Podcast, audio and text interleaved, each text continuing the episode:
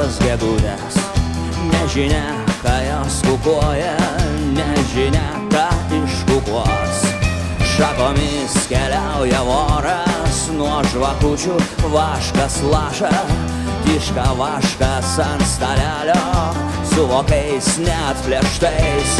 Pakabinkit, pakabinkit ant kalėdinės eglutės, stebuklingą vėrinėlį, arčivaldo vaizdiniu, kaip per ledą lekia pelės, kaip plastingai žypsi akis, o už lango mėno dega, rūksta kraterių anga.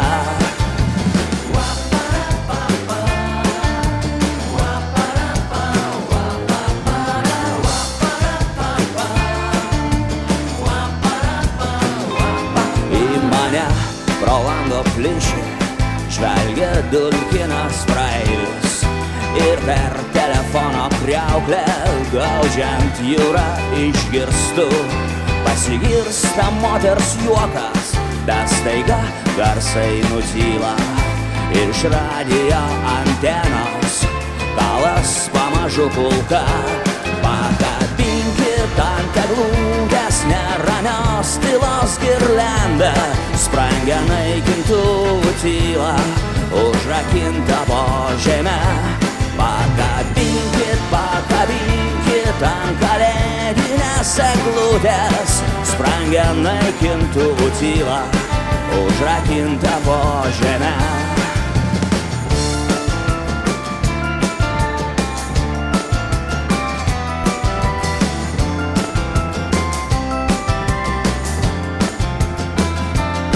Štai nuo ankapių pakyla, tarsi sielos baltos varnos, kyla rankos atsigniaužia jo apaugusias žemę.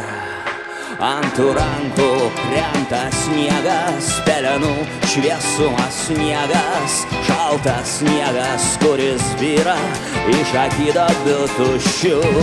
Pakabinkit, pakabinkit ant kalėdinės eglutės, balta, balta nosinaitė, nusišluostyti akims. Pakabinkit, pakabinkit ant kalėdinės eglutės, balta, balta nosinaitė, nusišluostyti akims.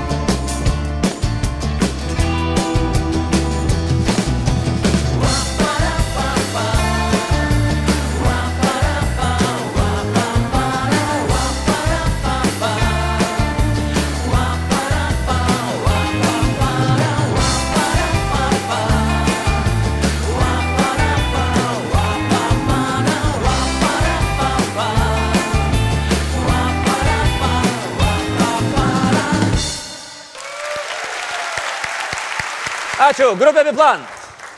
O aš sakau, labas vakaras, labas vakaras ir sveiki atvykę į Kauno Filharmoniją. Į šventinį laikykitės ten su Andriumi Tapinu filmavimą. Tai yra naujametinė mūsų laida, kurioje mes, nuhakindami senolų išminti, suskaičiuosime viščiukus, nors už lango ne ruduo, o gruodžio pabaiga. Šiandien apžvelgsime svarbiausius metų įvykius. O jūs nesistebėkite, jei ši laida jums pasirodys keistoka.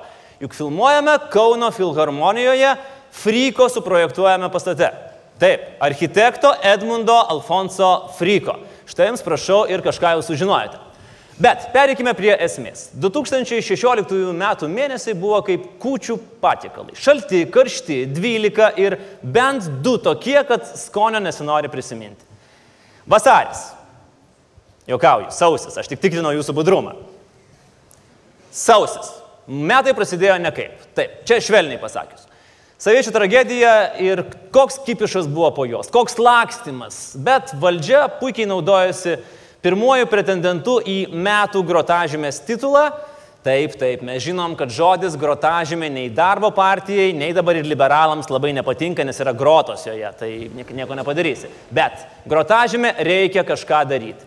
Ir imitavo darimą viena akimi stebėdama, kada visuomenė pamirš. O mes kaip ta papūga.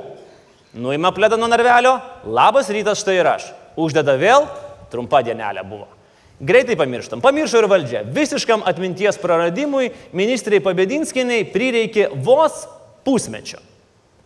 Kaip manote, ką reikia padaryti ir ką būtent vėlgi padarėte e, dėl, na, kad išvengti soviečių tragedijos pasikartojimo? Tai saviečių, tai jūs turite omeny ten... e, Su šuliniu.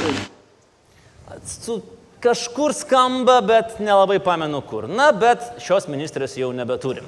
Sausį buvo ryškus ir pranešiški ženklai. Dakaro lenktynėse lietuviams kelią pastojo karvė. Tai susapnavęs Ramūnas Karbauskis atsivertė pagonišką sapnininką ir sužinojo, kad jeigu Vanagas susiduria su karve, reikia grįžti į politiką.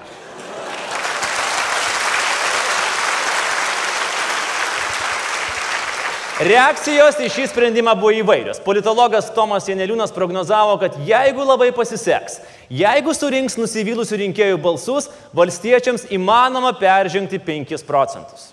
Metų prognozė, ne kitaip. Nudžiugintas tokių prognozių, Karbauskis suskato rinkti savo nusivylusių namų šeimininkių svajonių komandą. Pirmoji Green Peasants komandos marškinėlius sausį užsivilko nusivylusi Davilė Šakalienė, Kas galėtų paneigti, kad galbūt į labai blaivų pokalbį su Karbauskiu skriejo Kaune ir burna listerinu išsiskalavusi nacionalinės žemės tarnybos direktorė Daiva Gineikaitė, kuri jau sausį įvedė vadinamąjį pagojaus standartą. A. Vairuoju girtas. B. Varau į ligoninę. C. Du kraujo mėginiai. Na, tokie kaip saldainiai. Vienas su alkoholiu, kaip sostinės saldainiai, o kitas švarus ir blaivus kaip karvutė. Nusivylimų ženklus demonstravo ir vidaus reikalų ministras Saulis Kvernelis. Sausį užsisakęs, kažkodėl užsisakęs dvi vandens patrankas. Savo ir galbūt naujajam draugui. Teisme visų internautų didvyris Igoris Molotkovas sausį atskleidė, kaip jis bėgo nuo šimtų pareigūnų. Ir tai beje nutiko tą pačią naktį, kai pagaliau netrukdamas graužinienės skambučių Saulis Kvernelis normaliai išsimiegojo ir labai ryškiai susapnavo savo ateitį. Kaip kunigaikštis Gediminas sapnavo geležinį vilką, taip skvernelis sapnavo ką kitą.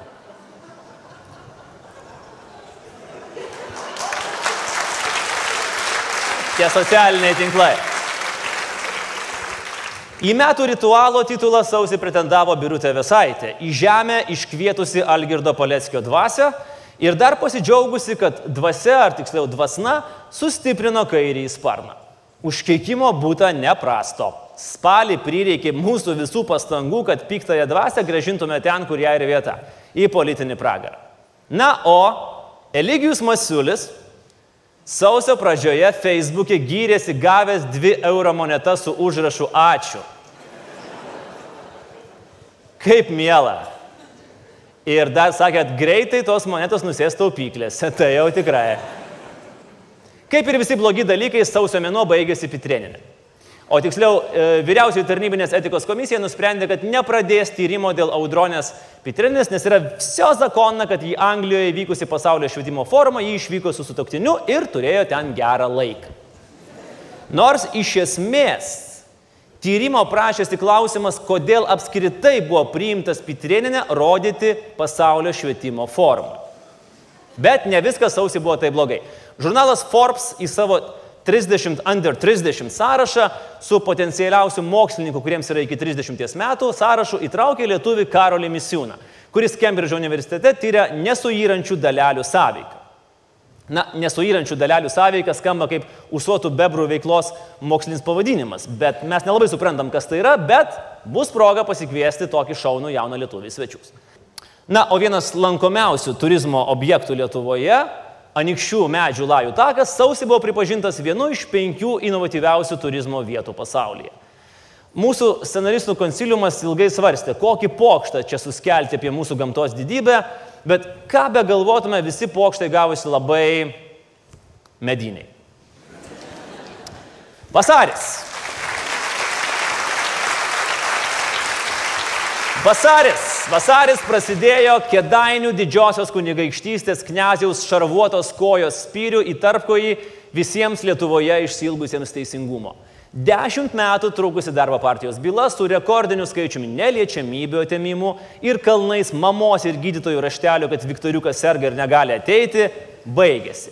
Baigėsi šnipštu. Knezius vietoje metų zonoje gavo 6800 eurų baudos, jo Sančopansa Vytutas Gapšys varganus 3600 ir netgi buhalterė Marina Liutkevičinė ir ta gavo daugiau - 5700. Na, o mes vasarį sužinojame, Kiek kainuoja dulkinti Lietuvą?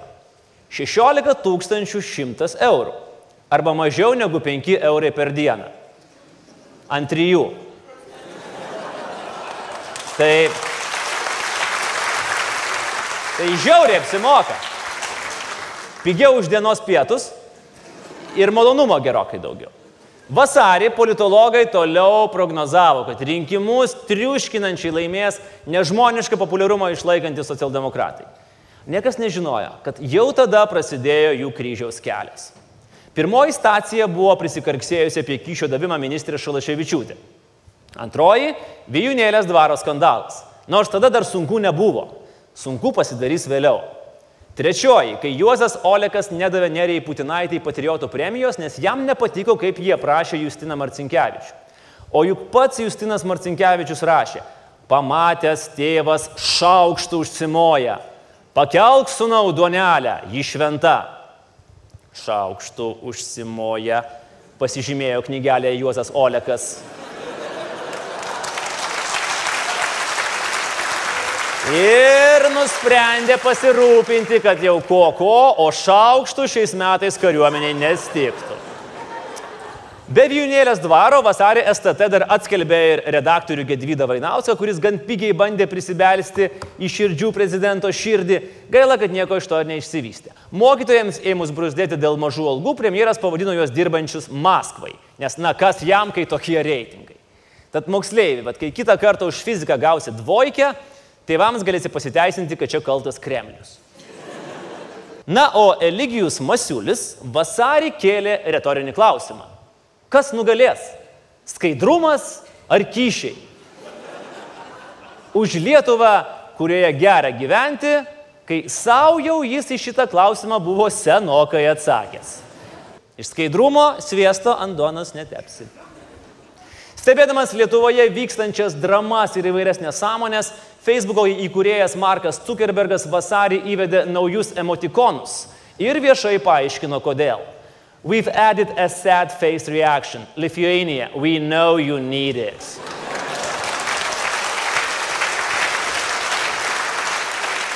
Na, o Saulis Kvernelis, pasak šaltinių, jau buvo sukirtęs rankomis su socialdemokratais ir gavęs aukštą numerį partijoje. Kad vasario 12 dieną jis pirmą kartą atvyko į Naisius ir Ramūnas Karbauskis jam ten viską aprodė, socdemai neatkreipė dėmesio. Mažučiai. Tas pats Karbauskis vasarį sakė, kad tikisi Seime turėti gal 10-15 mandatų. Politologai mandagiai kikeno į kumštuką. Mažučiai. Kaip ir visi blogi dalykai, vasaris baigėsi pitrinė.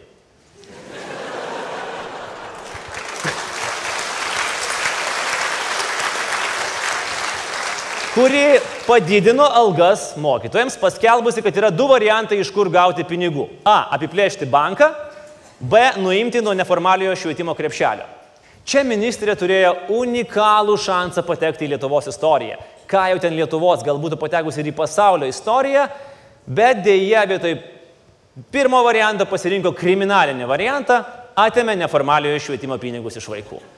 Ir vienareikšmiškai geriausia vasario, o gal ir visų 2016 metų naujiena. Leonardas DiCaprio pagaliau laimėjo Oscarą.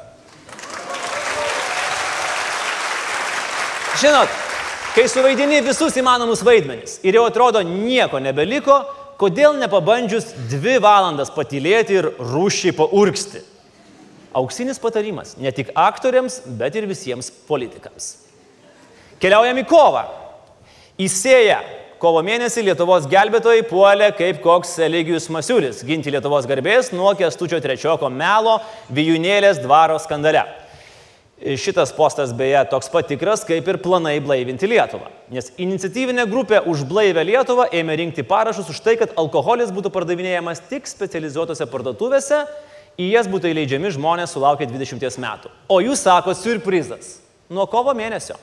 O tuo metu politinėme pogrindyje vis stiprėjo šūkis visi šalies valstiečiai vienikimės. Ir ką? Iš kibirkšties įsižiebė liepsna. Nepatenkinti pieno supirkimo kainomis, ūkininkai pagrasino kovą pereiti Gedimino prospektu ginkluoti karvėmis. Karvėmis. Tomis pačiomis karvėmis, kurios nesupranta žiemos ir vasaros laiko keitimo. O laikas liktyčia buvo persuktas kada? Ta pati kova, tai karvėm buvo visiškas pasimetimas. Eini per prospektą ir dar laikas keičiasi. Bet čia dar neblogiausias variantas. Visiškai pasimetusios karvės arba karvė jūs nesuprantysimus turėjo dar pražygiuoti pro Butkevičiaus langus ir čia buvo jiems dar didesnis šokas. Bet galų gale protestuotojai nusprendė gyvūnų nekankinti ir patys persirengė karvėms. Va dabar galima jau oficialiai pripažinti, kad kovo mėnesį Lietuvos gamta pabudo visų įdomumų. Bet žinoma, pagrindinė kovo naujiena buvo politinis krepšinis. Geidžiamiausias įžaidėjas Litlis skirtas, arba lietuviškai tiesiog skvernelis, kurį visi ekspertai jau matė komandos Red Star gretose, nutraukė galiojančią sutartį su tas ant to komanda ir užsivilko Green Peasants ekipos marškinėlius. O žinot, kas būna? Kas būna? Skvernelis pas valstiečius tai yra tas pats, kas Sabonis pas Lidlą. Kita rytą nuo 8 ryto reikiuojasi eilės. Norinčių gauti marškinėlius ir numerį, svarbiausia numerį sąraše, pradedant urpšių ir baigiant jėkeliūną. Na, o kol valstiečiai stiprėjo, oponentai su aliejumi jiems švelniai tepė raumenis, kad labiau blizgėtų. Konservatorė Irina Degutienė pasmerkė per laisvą dieną važiuojančius į Bedronką. Ir dar kartą įrodė, kad tik konservatoriai moka taip gerai žiūrėti į rinkėjus. Iš tokio aukščio, kad net gandrai nepakyla į tą stratosferą. Sotsdemai su paksistais užsiminėjo veiksmais, kuriuos net ir naujas partnerystės įstatymas traktuotų kaip nelegalius. Aplinkos ministras Trečiokas flirtavo su druskininkų Ryčka į jo intimų kvietimą pasipliškenti akvaparkę ir nusileisti kalneliais taip, kad glaudės plasdėtų į raudoną vėliavą, atsakęs, visai būtų faina, nes taip užknisa protą, pas tave nors užsimiršti valandai kitai gali. Realiai taip atsakinėja trečiokės mergaitės į berniukų pasiūlymą eiti kartu į Akropolį, kur yra nemokamas Wi-Fi'us.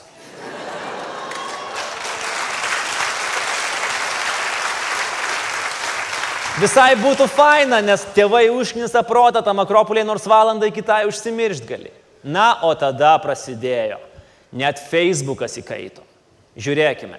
Prezidentė Praimui sakė, Praime, Praime, išvaryk trečioką, kenkia valstybei. Praimas sakė, nevarysiu pati tu čia kenki, tyliai būk. Trečiokas sakė, varykit abu du, aš dar pabūsiu. Praimas įsižeidė, trečiokai varyk iš čia kenki valstybei. Trečiokas atrėžia, pats ir varyk praimą, iš niekur neįsiu.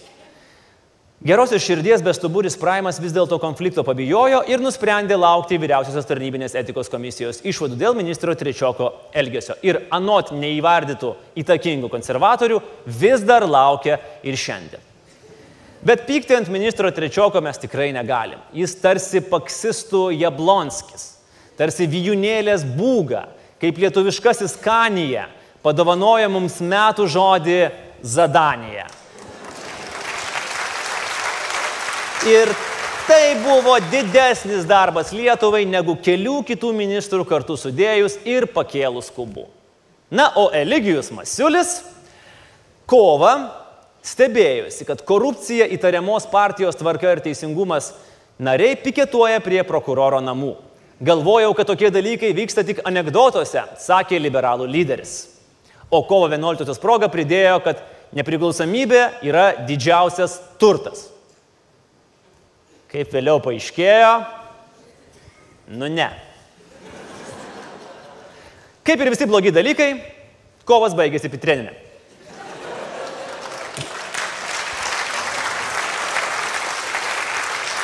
Kuri tą mėnesį, spręsdama labai opes Lietuvos švietimo problemas, nuveikė tiek, kad oficialiai paneigė gandus apie tai, kad į esą pasidarė plastinę operaciją. Bet turbūt geriausia naujiena kovo mėnesį prezidentūroje pradėjo veikti valstybės pažinimo centras. Pagaliau, kietas vakarietiškas muziejus, kuriame gali kažką išmokti, nes kiti tai nelabai kažką.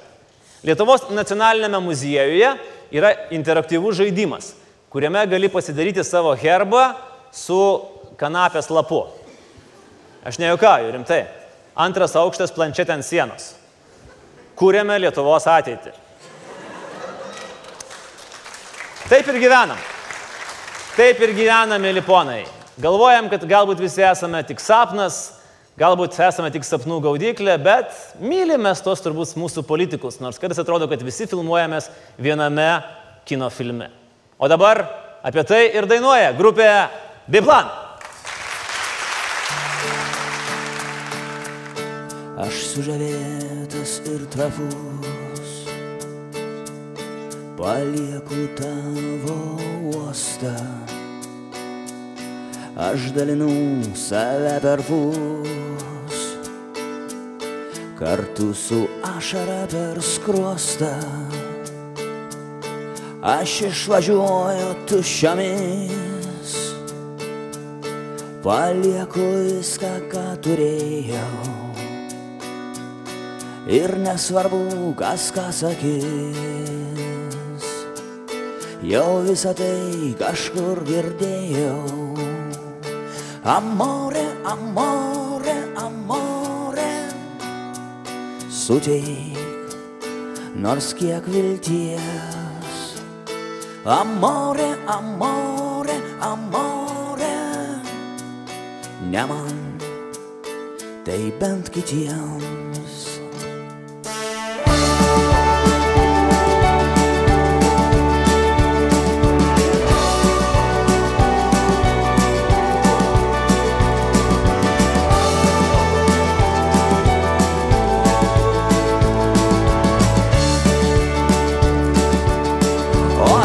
Aš mylimas buvau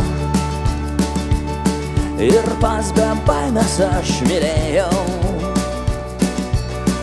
Aš apie tai dainas rašiau. Sudainavau jų tiek, kiek spėjau. Sekundai galim dar sustot. Ištarsiu labas rytas, draugė Aš vėl bandysiu tau dainuot. O tu galėsi jausti saugiai Amore, amore, amore. Suteik nors kiek vilties. Amore, amore, amore. Ne man, tai bent kitiems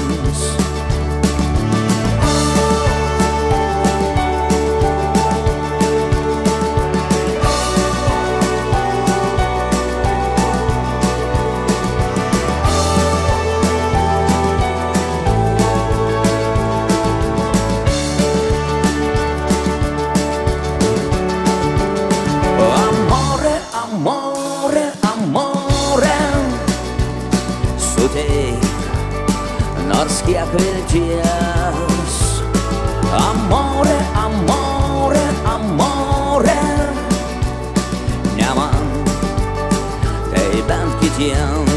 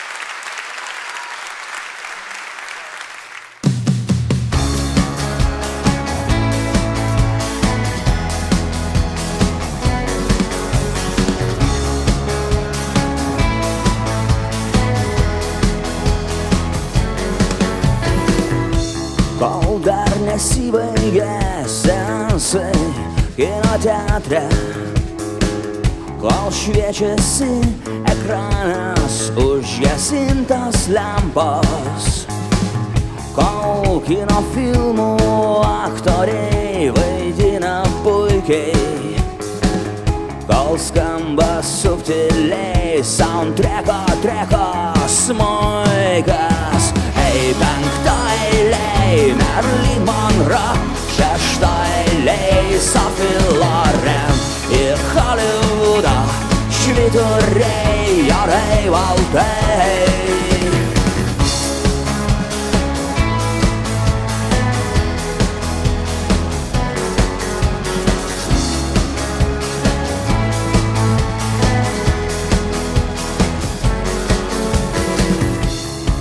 sukurti herojai myli vienas kitą, kol išgalvoti žmogžudžiai grasina kulkom, kol pavėlavęs ieško savo vietos, kol titrų nepradėjo rodyt, rodyt smulkiai. Hei, lej safillarem Irkary udach świturej jarej waltej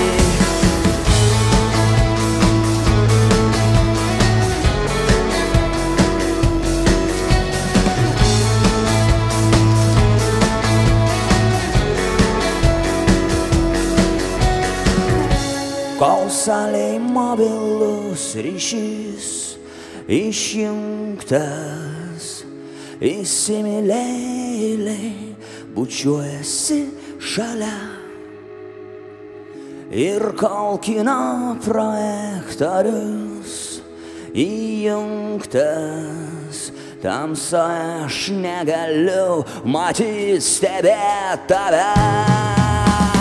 Hei, penktą eilėj Merlin Monroe, šeštą eilėj сафилорем І Голлівуда Швітурей, ярей, балдей Ей, там хто ейлей, Мерлін Монро Ще што ейлей, сафилорем І Голлівуда Швітурей, ярей, балдей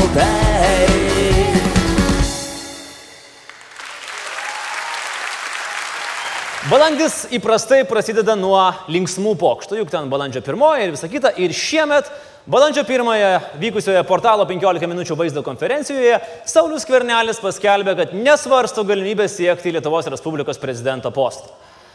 Šitas geras buvo Saulio. Šovė tokį, kad beveik patikėjom. Bet čia sustokim, nes dabar tokius pokštus reikia aiškintis išsamei ir ne tik juos.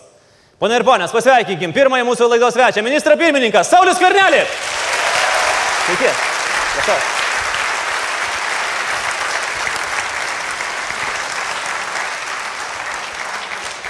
Matot, kaip ploja. Ačiū, džiaugiuosi, kad tiek žmonių atėjo į susitikimą su manimi. Čia aš, Andrius yra. Bet jūs žinote, ilgai netruks. Tai kaip ten dėl to pokšto premjerė? Dėl... Kurio? Nu, kur papokštavot per balandžio pirmą, kad nekandidatuosite į prezidentus 19 metais. Tai tiesiog tai buvo balandžio pirmos pokštas pasirodo. Tai čia jau jūs taip juokaujat, tokį šovėt juoką. Kartais tenka pajokauti. Uh, premjerė, jūs um, be visų savo pareigų dar ir esate pasirodo Laisvės televizijos remėjas. Teko. Kai Valentinas nedavė dolerį, jūs e, duodat mums po dolerį ir tvarkingai kas mėnesį mes iš jūsų gaunam po dolerį.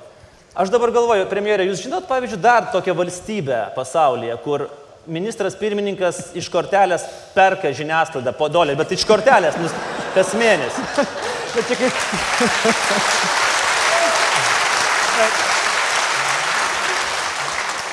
jeigu nepokštaujant, tai dar tada nebuvo ministras pirmininkas, tai buvo galima investuoti dolerį. O tai dabar jau nuimsit? Dabar ne, nebegaliu, nes už Valentiną užmesta. Kol Valentinas nepradės mokėti, pas reikės mums mokėti. Aš spėju, kad Valentinas nepradės. Jau nepradės.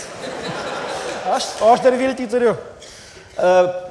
Apie žiniasklaidą. Jūsų kolegos ar ne kolegos, bet mes to išsiaiškinsim šitą, jau skundžiasi, kad žiniasklaida jums trukdo dirbti. Ką, trukdo mes jums dirbti? Man tai ne. Ne. O jiems, kodėl mes jums trukdom dirbti? Reikia Kaip? klausti individualiai, gal kam ir Bet jūs trukdo. vis tiek grįžtant kaip ir, nu, ten. Nu, taip, vis vis ten. taip, taip, dar taip, Dar taip. dar taip. Aš taip pat pagalvoju, ar nebus taip, kad e, praeitam Seime buvo opozicija ir pozicija tarpusavėje draskėsi, kovojo, o čia nebus taip, kad bus Seimas ir vyriausybė, viens prieš kitą. Jūs ir Ramūnas, mano man. Tikiuosi, kad ne. Daug kas norėtų, daug kas laukia, bet manau, kad ne. Pasižiūrėjau naujausius reitingus. Jūs lenkėte prezidentę ir Ramūną Karbauskį. Ką jūs sakot? Taip, Tikrai? tikrai. Oi, nepranešė tarnyba. Sa savaitgalis buvo. Tai aš dabar galvoju, kad jūs esate va, toks kaip grinčas. Jūs pavogėte dalios ir ramūno kalėdas. Ir va, žiūrėkit, kas darosi. Tai ko gero ne aš. Tie, kurie atsakinėjo, Aš bijau, kad prie, su selfio su prezidentė daugiau nebeturėsi. O kaip ten buvo beje ta istorija? Prisiminkim dar kartą jūsų, jūsų selfie su prezidentė.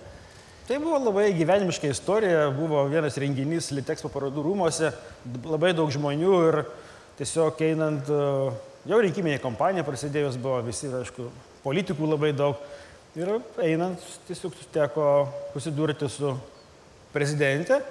Ir aš e, tikrai selfio neturėjau niekada ir paprašiau, ar galima. Tai aš aplinka pasakė, kad kaip čia galima, taigi čia tų nuotraukų jau daug yra.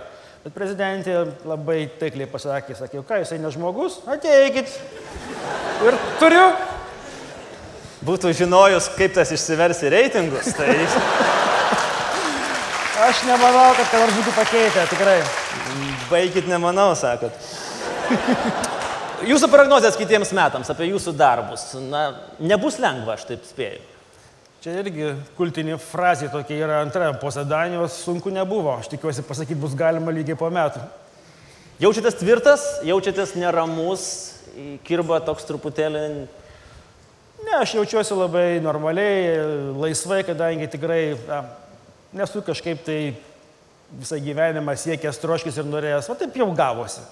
Ir dėl to, jeigu taip jau gausi, tai aš padarysiu tuos darbus, kurie yra suplanuoti, numatyti ir daug kas abejoja, čia pavyks, nepasiseks, jau penktą ar šeštą dieną vyriausybės dar algos nekyla, mokesčiai auga, viskas blogai jau, bet žiūrėkim, bus kitais metais tokiu laiku galbūt galėsime aptarti, ar linksma buvo gyventi ar ne Lietuvoje. gal ir anksčiau dar pavyks aptarti, bet... Gal. Premjerai, jūs e, skaitėt šveiko nuotykius? Esat Na visi kažkurio metu kažkada tai skaitė ir sako, tos frazės ten nėra, aš neatsimenu, jinai yra ir nėra. Yra. Realų. Yra. Yra. Jūs žinote, apie ką aš... Apgavo. Sakykite, nėra tai parašyta. O kas sakė, patarėjai, sakė, kelkite laus kainą, ne, Sakė, nežlugs drąsiai, drąsiai. drąsiai. Jo. Reikės Bet tai paskaityti iš naujo. kelsite alaus Dar kainą. kartą. Kaip žmonės nuspręs dabar. Referendumą darysim. Manau, kad būtų galima pagalvoti. Bet čia būtų įdomu. Ne, ne, to, ne tai, kad kas mėnesį dar moka rezultatas žiniasklaidą. būtų įdomu? Lankomumas tai būtų didžiulis. Čia garantuoti. Galėtume spręsti dvigubės pilietybės klausimą. Tikrai ateitų. Tuo pačiu. Tuo pačiu. Išspręstume visus kitus klausimus, nes ir dar kaip referendume į ES, kai stojam, tai jeigu ateini, dar gauni butelį laus iš karto. Buvo, buvo. Aš manau, kad tai keičia esmę. Elus, dabar kaip ir patapo toks mūsų euro integracijos simboliu. Dabar jį skriausti, nežinau, vyriausybė bus sunku. Vis įdomu, įdomu. A, Premjerė, jūs tikit tuo, kad pavyzdžiui žmogaus pavardėje yra tam tikras, gali būti užkoduota kažkas, kas yra susijęs su jo darbais ir ateitim? Negalvojau apie tai. Nes pavyzdžiui, mes vat, bandėm dekoduoti pavardės su specialistais, kurie moka tai daryti. Tai pavyzdžiui, mano vardas ir pavardė išsikodavo pindanti rusas. Jūsų pavardė. Nu ir ką padarysi, taip yra. Jūsų pavardė buvo iškoduota pakeitus raidės, nes kvernelis, o verksnelis. Kažkaip tai gal ne. Ne, Ne. nebus, nebusit kaip Rolandas Paksas. Mes turėjom jau tokį vieną premjerą, kuris Prezidentą. ir prezidentą, ir premjerą. Aš dažniau šypsosiuosi, tikrai neverksiu. Na, pažiūrėsim, kaip bus. tada išsišypsenu. Ar planuojat kalėdinės dovanas politiniams bendražygiams ir oponentams? Taip, Ką? Nes čia jau po kalėdų bus, tai gali drąsiai sakyti. po kalėdų bus vėl. Taip, taip, taip. Tai aš manau, kad yra tokios daugiausiai įprastos, tai papuošimai arba kalėdiniai žaisliukai, labai praktiškai ir manau tokia na, šilta dovana yra kava, gero vyno butelis, kaip nebūtų keista.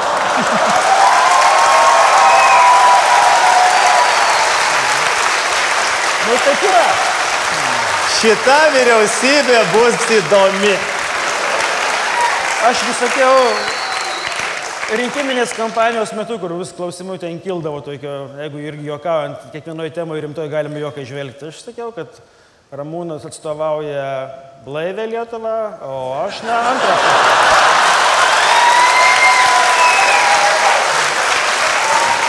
O jūs kokią? Na, aš tokia saikingai kartais pavartojančia gero vyno. Jūs tapęs premjeru, davėt inter, inter, interviu, iš tikrųjų neslėpėt, kad e, šlubuoja jūsų anglų kalbos žinios. e, Ką čia dabar slėpsi? Tai taip, nu čia jau neprislėpsi. neslėpsi, Vienas bandė slėpti, tai Tai geroji gavosi. Bet jūs žadėjot mokytis. Taip. Aš tai... Hello! Aš tai netikiu. Nu netikiu, kad jūs mokysitės. Kada jūs mokysitės? Jūs turite valstybę vairuoti. Viskam yra laikas. Rasit laiką? Yra išmalkomai linkėjimai. Nu, čia įdomiai, bus įdomiai. Um, o pats dėl kalėdinių dovanų. Jūs tikit kalėdų seneliu? Išduoti paslapį.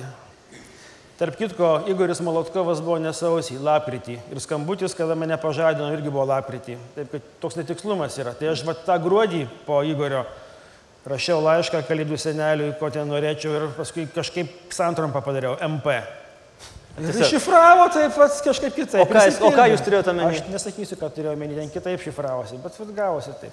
Ne, jeigu taip, matyt, aš dabar turiu šeimoje tuos, kurie tiki ir aš jau labai džiaugiuosi, kad vis dar tiki, nes tai yra pa, puikus jausmas ir puiku, kada parašo vakare laišką padedant eglutės, ryte ateina, tėdė nėra, paėmė.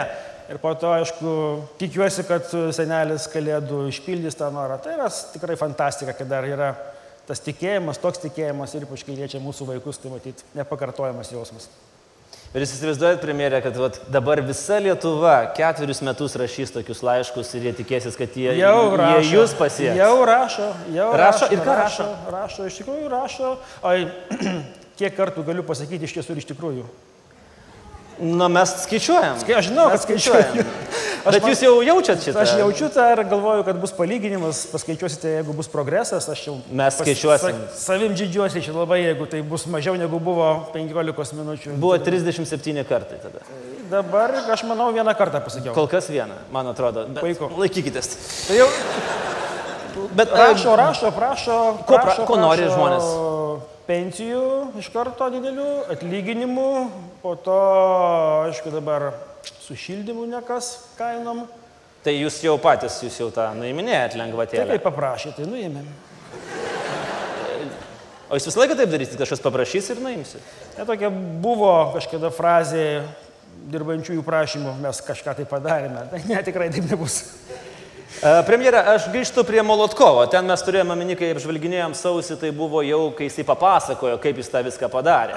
Bet aš dabar galvoju, va tą lapkričio vakarą, kai jums skambino graužinienė ir neleido miegoti, ar jūs pagalvojat, kad pavyzdžiui praeis metai, jūs busit premjeras, o graužinienė net partijos nebeturės? Ne, aš tada pagalvojau, kad matyt, naujus metus reikės sutikti dirbant kitokį darbą. Bet jau dar tuos naujus Tu, metus. tuos, būtent tuos menus metus galvoju, ką čia reikės dabar nuveikti. Na ir tada skambina Ramūnas, sako, Saulio. Irgi ne, irgi ne. Bet blogai buvo pauzė tokia didelė. Bet tada nuvažiavote į Naisius vasario 12 dieną ir pamatėte Kažkaip bal, baltų arenoje kažkas taip iš vidaus, taip. Ne vilkai ten 141, bet taip nušvietė, kad, sako, tave nori apgauti kažkas tai. tada pradėjau galvoti, kas. Mes jau, mes jau turėjom vieną prezidentą, kuris važiavo į Merkinės piramidę ir jį buvo apšvietę. Ten aš nuvažiavau, dar nebūdamas oficialiu asmeniu tiesiog. Na, tai tada nesiskaito. Nesiskaito. Nesiskaito, gerai. Uh, kaip e, dabar žiūriu, ministrai, e, šiaip iš tikrųjų kreditas turbūt pasitikėjimo labai didelis suteiktas, jeigu taip rimtai kalbant. Ir net ir žurnalistai sunkiai randa, na, atradom vieną, šiaip ne taip. Vieną atradom. Gaila. A, antra jau kalba. Tai kuo toliau kalbės, to bus įdomiau.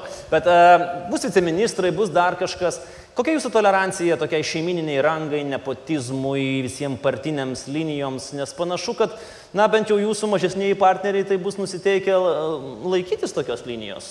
Kad, na, Aš tikrai galiu pakartoti, ką nekartai minėjau, mano požiūris nesikeičia, ypatingai tos e, pozicijos, kurios yra užimamos viešo konkurso būdu, tai net kalbos negali būti. Aišku, yra problema su partneriais dėl pareigybių, kurios yra skiriamos politinio asmeninio pasitikėjimo. Tačiau, nesvarbu, tikrai aš nenoriu žiūrėti tėvas, sūnus ar sūnus tėvas. E, Kriterijai tie patys yra. Jeigu žmogus jisai tikrai yra kompetitingas, e, nepridaręs nieko tokio tarnybose ir pažymos, kurios yra garsios, yra tinkamos, bet kokiu atveju, kaip ir minėjau, Bet tų formalių kriterijų yra ir pokalbis su manim turės būti, dėl to aš kol kas e, laukiau ir sulaukiau nedaug viceministrų kandidatūrų, su kuriais galėjau pakalbėti ir to principo laikysiuosi. Tai buvo ir su ministrais, taip kitko. Nebuvo lengva, bet kažkaip daugiau, nebuvo. mažiau, manau, pavyko neblogą komandą suburti. Premjerė, aš va, žiūriu į jūs ir galvoju, ko iš jūsų tikėtis 2017 metais. Ir nežinau, vat, jeigu čia būtų buvęs anas premjeras, mes manau, kad visi turbūt žinotume daugiau mažiau ko. Tris kartus per dieną. O ko iš jūsų tikėtis? Aš norėčiau, kad būtumėt nustebę, bet gerąją prasme. Kaip gerąją. Kiekvieno tai yra vertinimo yra reikalas, bet uh, aš tikrai dabar matau ir skaitau, čia mums nepavyks, nepasiseks, nespės, nepadarys, miegos, ilsėsis. Na, tai galiu tikrai nuvilti. Tikrai vyriausybė dirbs labai labai aktyviai. Aš tikrai noriu tik tai paminėti, kad na, naujų žmonės ir dauguma jų tikrai mes neturime iš tiesų patirties politinės antras. Bet čia visai tinka, jis čia toksai, tinka, čia visai toks. Tai ir, ir situacija, kokioje dabar patekome, kalbant su rinkimų data, tai ir pats blogiausias dalykas, kad reikia paimti perinamą laikotarpį, pusantro, daugiau negu pusantro mėnesio procedūros trunka.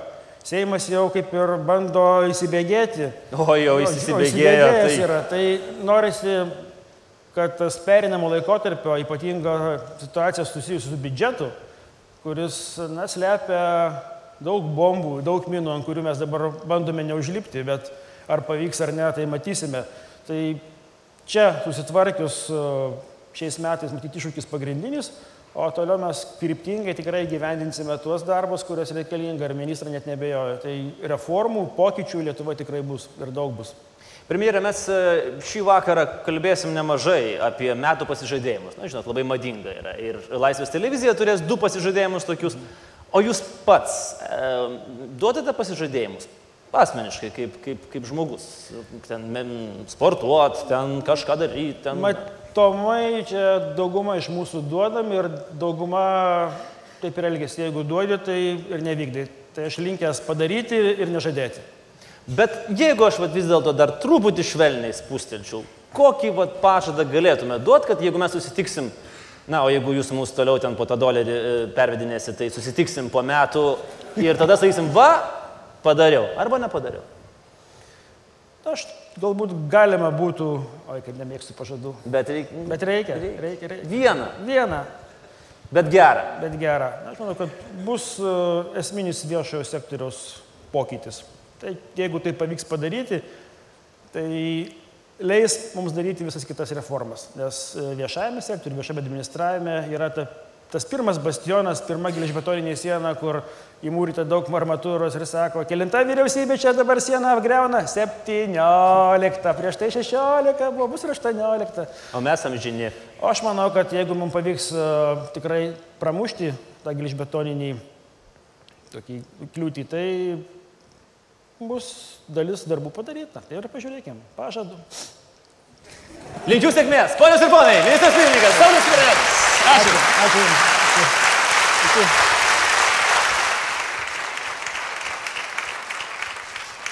Teskime. Balandį Lenkijoje tūkstančiai žmonių išėjo į gatves protestuodami prieš valdžios ir bažnyčios ketinimus visiškai uždrausti abortus. Lietuviams tai buvo itin aktualu, nes, kaip sako sena patarlė, kol Lenkai gatvėse, bėdronkose nėra eilių ir papūstų mums į reną. Panama labai graži. Tai žino šimtai vaikų. Tai žinojo ir daug svarbius postus užimančių dėdžių ir tėtų visame pasaulyje. Na, o jei ne pati Panama, tai bent jau jos bankai su savo offshore'ais. Balandį prasidėjo garsioji Panama Papers istorija. Į tualetą nuleidus Islandijos premjero, Ispanijos pramonės ministro ir daugelio kitų pasaulio politikų bei funkcionierių karjeras. Nedaug trūko, kad balandžio 16 būtų paskelbta nacionalinė gedulo diena, nes be darbo galėjo likti 3 milijonai krepšinio trenerių Lietuvoje. Dėl Lietuvos klubų nenoro trauktis iš Europos taurės, FIBA paskelbė, kad Lietuvos rinktinė yra šalinama iš Europos čempionato ir Rio žaidinių. Bet po to apsigalvojo. Jeigu būtume žinoję, kas nutiks Rio rungtynėse su Ispanija ir Australija, turbūt būtume patys prašę, kad tik neapsigalvotų. Na, o Eligijus Masiulis Tuo tarpu Facebook'e balandį paskelbė, kad nesustos, kol nepaspaus milijono rankų ir ragino Lietuvo žmonės nesikuklinti, prieiti prie jo gatvėje ir pasidalinti idėjomis. Toks pasiūlymas sukėlė pagyvėjimą STT biure. Ir vidurinį pavasario mėnesį užbaigė Lietuvoje įvykęs neabejotinai svarbiausias metų įvykis - Kalafior Geitas.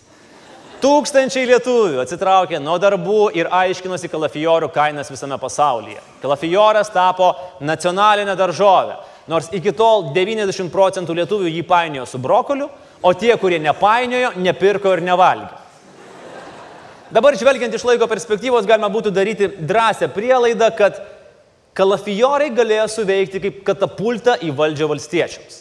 Juk kas daugiau, jei ne profesionalas, užaugins šią prabangos prekę tapusią daržovę ir pamaitins tautą. O grįžęs po žvejybos, Kalafijorų čia Gevara, Tadas Blindas, Spartakas ir Fidelis Castro viename Marijus Mikutavičius taip išsigando pamatęs, kad tapo revoliucijos vėliava, kad davė įžadus apie politiką nekalbėti daugiau niekada. Kaip ir visi blogi dalykai, balandis baigėsi ne. Šį kartą Vesaitė kuri dalyvavo Kauno bėgime, bet nebėgo, tik pastovėjo po medžiu ir po to atsijėmė medalį.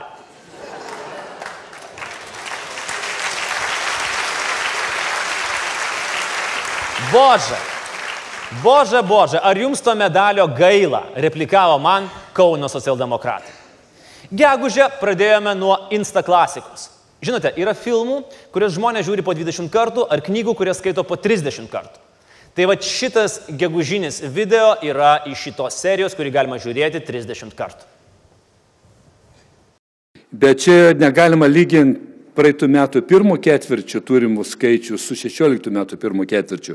Bet jeigu mes palyginsim, kaip kaina keitėsi vieno euro apyvartos arba gaunamo vieno euro Tai pirmajame ketvirtyje palyginsim su 15 metų pirmoju ketvirčiu, aš galimai darau išvadą, kad ankainis 16 metų pirmajame ketvirtyje, bet čia negaliu pasakyti ar maisto produktų, ar daržovių, ar vaisių, čia mes kalbam apie visą mažmeninę apyvartą, ankainis yra didesnis lyginant 16, 16 metų pirmajame ketvirtyje, lyginant su 15 metų pirmojo ketvirčiu.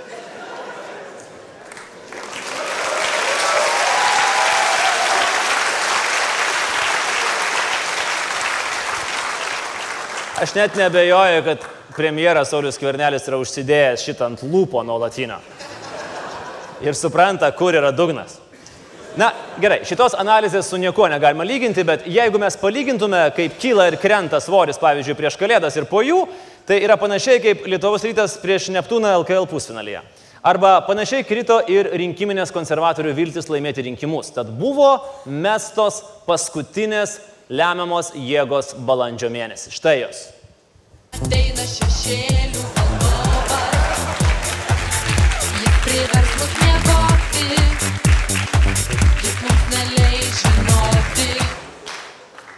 Man buvo garbė šokti su jumis, perfrazudamas Titaniko muzikantus, vėliau sakė profesorius.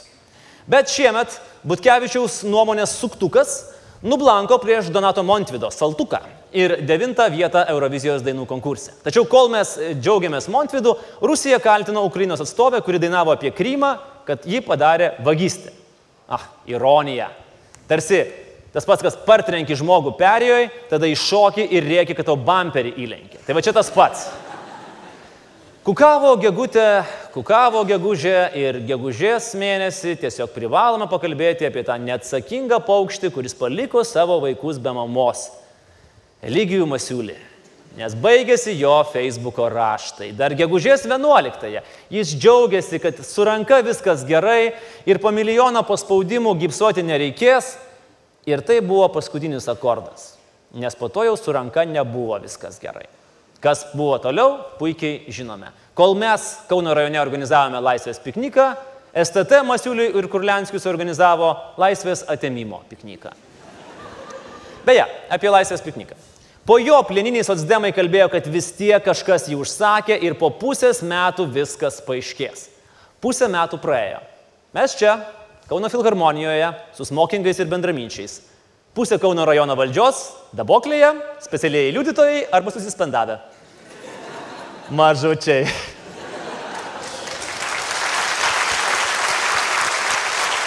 O liberalai? Ką liberalai?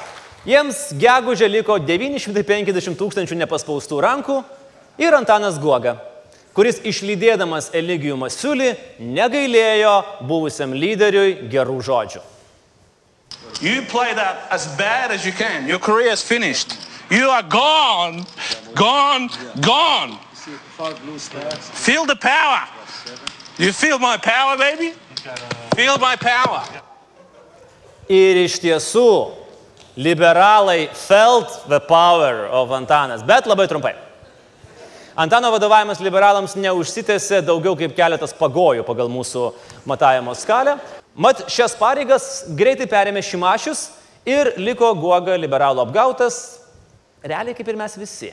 Nes už apie skaidrumą ir pasitikėjimą kalbančio Šimašiaus nugaros tą gražią gegužę stovėjo Steponavičius su Šarūnu Gustainiu ir stipriai, stipriai laikė čiūrikus. Nelaimingasis gegužės skaičius 106 tūkstančiai, laimingasis 50. Richardas Berankis gegužės mėnesį pasiekė aukščiausią savo karjeros ATP reitingo vietą ir tai turbūt buvo geriausias įvykis Lietuvoje gegužė. Birželis savo prastumu neatsiliko ir turbūt net aplenkė kitus e, šių metų mėnesius. Birželio mėnesį pasaulyje įvyko 235 teroristiniai išpoliai, daugiau nei bet kurį kitą mėnesį. Tragedija Orlando naktinėme klube, Stambulo oro uoste, Britų parlamento narės Joe Cox nužudimas, Mohamedo Ali mirtis. Bet šiandien laida yra šventinė, todėl geriau prisiminkime tik pozityvius dalykus, nes ne viskas buvo taip blogai. Pavyzdžiui, Birželį įvyko Brexitas. Kas pozityvaus?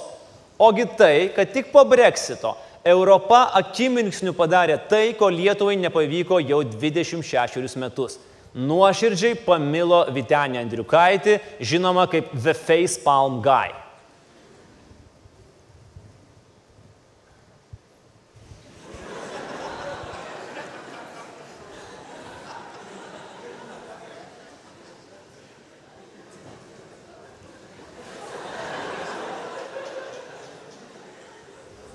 Ironija. Dirbi, dirbi, dirbi Europos ir Lietuvos labui. Viskas, ko tau reikia. Karjera padaryta. Birželį Lietuvos geležinkeliai pagaliau iškilmingai išlydėjo pirmąjį modernų traukinį į Lenkiją. Maršrutu Kaunas Balstogė. Beje, pirmieji keleiviai, va kaip tik šiuo metu jau ir turėtų grįžti iš Balstogės atgal į Kauną.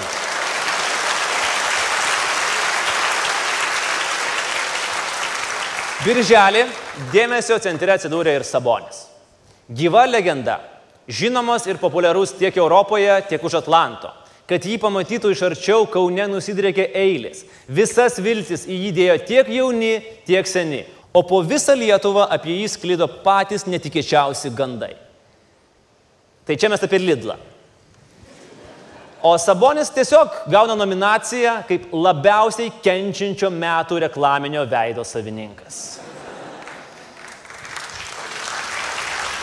Tuo tarpu Vilniuje įvyko Baltic Pride eisena, kurią palaikė net pats Dievas himself, o nepalaikė tas pats vis dar darbo neturintis Vytautas Šustauskas. Amerikoje paaiškėjo, kad Donaldas J. Trumpas laimės Respublikonų nominaciją, o Hillary Clinton demokratų. Upsalos universiteto mokslininkai apskaičiavo, kad tuo metu Junktinėse valstijose tris kartus išaugo šampano pardavimai, kai Hillary remėjai ir politikos ekspertai pradėjo švesti garantuotą pergalę. Mažučiai. Ketverius metus šalį valdė socialdemokratai išreiškė savo didžiąją rinkiminę ambiciją birželį - išgirsti Lietuvos žmonės. Deja, jie mūsų tikrai neišgirdo. Užtat mes buvome priversti išgirsti LSDP vasaros singlą. Savo širdį užsirašom, santarbę, meilę ir grožį. Ir tarsi vėliavą nešam, skaičiai raudoną rožę. Žiūri duok ranką, kai rankoj ranka, turėsi pajusti, kad esam lyga. Širdylai išlieka tiesa ir taika, o viena mes niekas, būlynas jėga. Nuostabus kūrinys, fantastiškas kūrinys, o jeigu jūs jį analizuotumėte atidžiau, kaip jis ir be abejo yra to vertas, pamatytumėte, kad visi juda labai stabiliai, sinchronu, bet yra vienas maištininkas, kuris nesisuka tada, kada reikia suktis ir nedaro rankomis taip, kada reikia daryti rankomis taip. Tai jau, tai jau tada buvo ženklas, kad ne viskas yra gerai socialdemokratų partijoje, bet jie į tai netkreipė dėmesį. O Upsalos universiteto mokslininkai vėl paskaičiavo, kad daugiau nei trečdalių asmenų girdėjusių šiuos socdemų praimo raimus laikinai, o esant pakartotiniam klausimui ir negryžtamai sutriko muzikinė klausa. Birželį pirmą kartą susidūrėme ir su labai įdomiu faktoriumi - neįvardintų įtakingų konservatoriumi, kuris labai daug komentavo internete. Na, mes vėlgi visi žinom, kas jis toks. Tai Jurgis Razma. Bet rinkėjus pasiekė lankstinukai, kuriuose Gabrielius Landsbergis agitavo už 13 savo partijos narių, už savo paštalus ir liktyčia anoniminių konservatorių tarp jų nebuvo. Įniršęs Jurgis Razma pareiškė, kad kovos prieš anoniminių konservatorių diskriminaciją ir sustabdė dalyvavimą Centrinio rinkimų štabo veikloje. Gabrielius apsimetė labai nusivylęs ir sekdamas savo vaikystės idealo retoriką pareiškė, išeina kažkas didingo. Lidlas ateina, Razma išeina. Bet Razma nekolūkis, nors ir panašus į tokį. Taip lengvai nuo Landsbergio prisilietimo negriuva ir iš partijos Gabrielius liūdėsiu dėja niekur nedingo. Galiausiai, birželį, kaip ir visus kitus mėnesius, toliau niekas taip ir nebuvo tikras, ar iš tiesų egzistuoja ūkio ministras Evaldas Gustas. Bet visi sužinojo, kas yra žygis paviljonis. Nes išėjęs apsipirkti, išnešęs šiukšles, nuėjęs aplankyti artimųjų kapų arba tiesiog maudydamasis duše, visada galėjai sutikti žygį ir sulaukti prašymo pasirašyti prieš astravą. Kaip ir visi blogi dalykai, birželis baigėsi Pitrieninė, kuri lankydamėsi Šilutėje džiaugiasi, kad šiame krašte jau yra plaukiojusi Ūla ir Merkiu. Na, o tie, kurie iš tiesų plaukė Ūla ir Merkiu, prisiminė tą vasarą Žygį Paviljonį, kuris įsibridęs iki kelių stabdė baidares ir siūlė pasirašyti prieš Astravą. Viena gera birželio mėnesio žinia. Domantas Sabonis 11 numeriu NBA naujokų biržoje pašauktas į Orlando Magic klubą. Tiesa, greitai jį pakeitė į Oklahoma City Thunder. Bet vis tiek gerai. Kaunas, aplaudismentai Saboniui.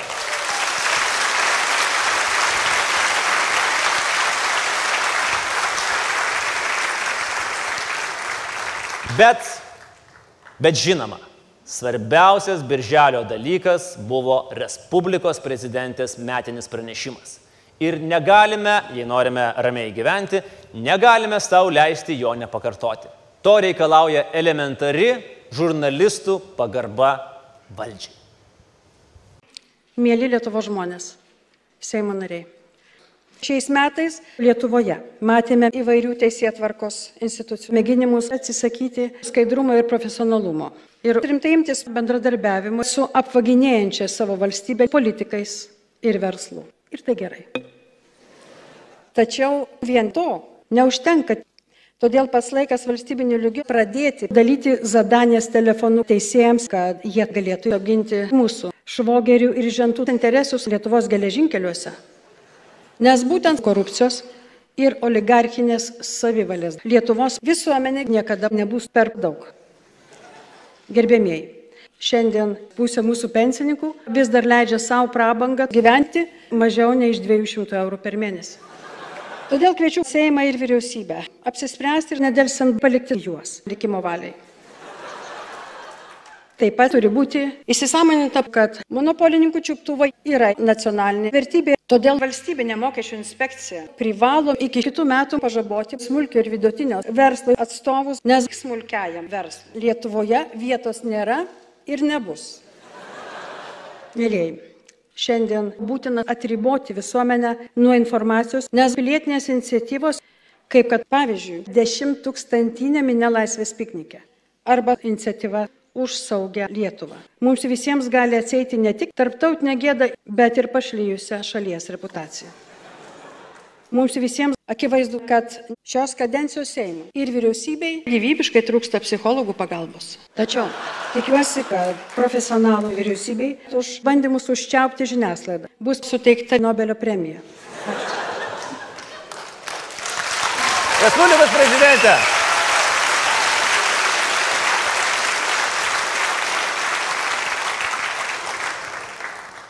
O prieš perinant į antrąją metų dalį, į sceną kviečiu Jurgį Brusgą.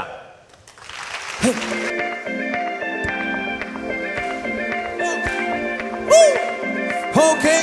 Huh. Labai gerai, gerai, atsistokit. Hey. Hey. Right. Huh. Ir vėl manyje tas keistas jausmas. Hey. Ir vėl nevaldau tas ilgas šauksmas. Man taip reikia tavęs Atsakyk, kur esi, kur esi Man taip reikia tavęs Atsakyk, kur esi, kur tu esi Okay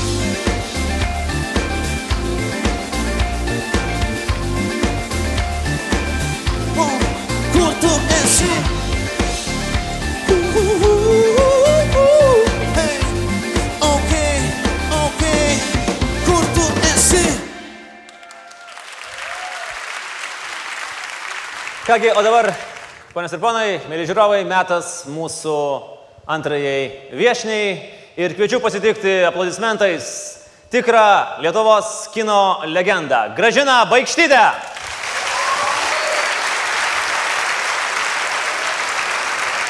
Labas vakaras, ponia Gražina. Prašau į mūsų kėdutę. Sveikinu su artėjančiais naujais metais. Kaip jaučiatės? Gerai, gerai. Gražina, grįžkime, iš tiesų, iš tiesų man, manau, kad labai įdomu ir, ir, ir mūsų žiūrovams, grįžkime truputėlį į praeitį, į tos tikrai na, jūsų uh, auksinius metus, kai jūs buvot uh, Sovietų sąjungoje mylima, mėgstama, režisieriai tikrai ieškojo jūsų palankumo. Ką atsimenat ryškiausiai iš to laikotarpio? Kokias, kokias nutikimus, kokias istorijas? Nu, ryškiausiai visgi patys geriausi laikai buvo mokslo laikai Vygykė, kinematografijos institutė. Bet ten tai tikrai nu, buvo pats geriausias gyvenimas. E, buvo daug visokių ir, ir nuotikių. Čia, Kokių nuotykių? Daug kas sako, kad man reiktų apie tai knygą parašyti, bet, nu ne, kažkaip tai... Bet būtų daug labai Būtų liūdnų daug- vyrų, aš taip suprantu. Daug, ne, būtų daug e, personažų, aš turėčiau aprašyti daug žmonių, kurie, nu, gal to visai nenorėtų, kad aš jų tas paslaptis atskleidinėčiau. Papasakokit mums, pavyzdžiui, kokios legendos e, kino ką jums dovanoja. Ar teisybė, kad e, Aleksandras Abdulovas jums paukščių pieną į lovą nešioja? Nu, ką reiškia paukščių pieną? Atkreipkite dėmesį. Gražina ne vietą kvestionuoja, o daiktą, kuris buvo atnešamas. Nu, buvo taip, kad mes filmavomės filme su juo, su Abdulovu ir su Leonidu Jarmolniku, dar vienas personažas. Filme Moteris baltais drabužiais. Filmavimai vyko daugiausiai Latvijoje, Siguldoje, tokia miestelėje. Ir mes visi gyvenom, nu, ypač pagrindinių vaidmenų atlikėjai, ne viešbutį, kaip paprastai apgyvendinami yra kino grupės nariai, o mes gyvenom pas šeimininkę. Ir mes visi trys gyvenam būtent pas vieną šeimininkę, kiekvienas turėjom savo kambarį. Nu ir vat, mūsų tai buvo namai. Tai e, e, jeigu Abdulovas išvažiuodavo filmuotis ten į Maskvą, ar Leonidas Jarmolnikas, ar aš išvažiuodavau namo, vis tiek grįždavom kaip į namus, į Siguldą. Nu ir kažką kiekvienas atsiveždavom. Aš atsimenu, aš veždavau visokius tenai mm, rūkytus gaminius, lietuviškus, skilandžius, kinziukus. O Abdulovas taip, jis norėdavo man padaryti tokią vat, staigmeną, dovaną, nežinau. Ir kažkodėl tai, ar aš esu pasakius, aš jau dabar pati neatsimenu, kad aš mėgstu tą tortą paukščių pieną, ar čia jo iniciatyva, negaliu dabar patvirtinti niekaip kad jisai specialiai užsakydavo e, restorane, Maskvos e, restorane, kuris vadinasi Praga, paukščių pieno tortą. Ir e, skraidindavo, skrisdavo, reiškia, iš Maskvos su tuo tortu į Rygą. Aš tikiuosi, bent jau ne specialių lėktuvų skraidindavo. Ne, ne, ne. ne. Ir iš Rygos jam tekdavo dar važiuoti į Siguldą su to tortu ir atveždavo tortą. Tai vat, Jūsų pačios e, vaidmo, kuris jums pats yra artimiausias? Arba pats tas, kuris arčiausiai širdį yra palikęs?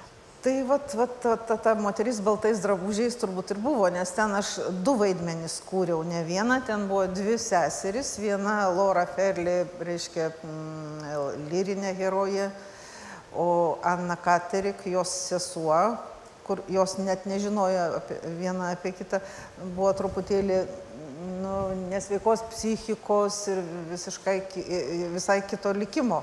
Tai man buvo įdomiau kurti tą antrą, nes aš jau tų e, lyrinių herojų e, kostiuminiuose filmuose buvau vaidinus ir, ir kažkaip man taip nu, nebuvo sunku tai daryti.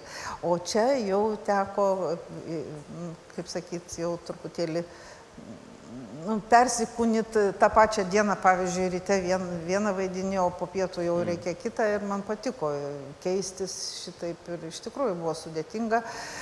Ir filmavimai vyko du metus, nu, ne kasdien su pertraukom ir ne, ne tik tai Siguldoj, bet ir mm, e, Maskvoj, Peterburgė. Ir Peterburgė mes turėjom savo namus viešbutį, bet tai viešbutis, Siguldai buvo geriau.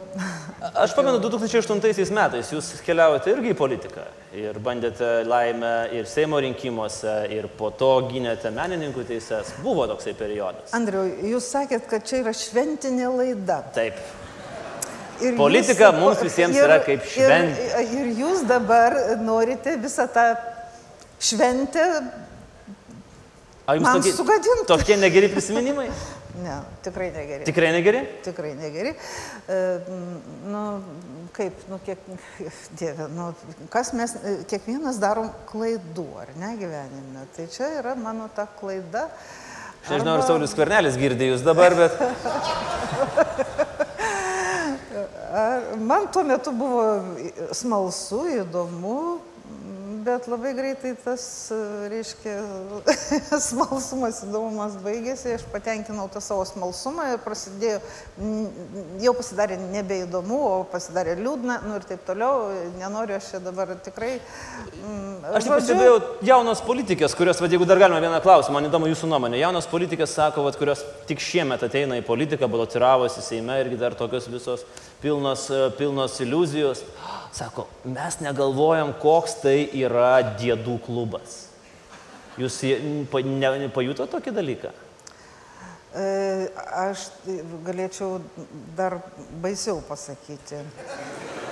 Dar baisiau. Taip. Aš jau tai parinkau patį baisiausią mano galą apibūdinimą, ką tu Bet gali. jeigu aš, aš gerai, aš galiu tą pasakyti, vis tiek jūs iškirpsit. Na, jie, aišku, arba tik tai blogiausiu atveju į Facebooką įdėsim, arba internetą. Bet tai ten, ten, mes per televiziją tikrai nerodysim.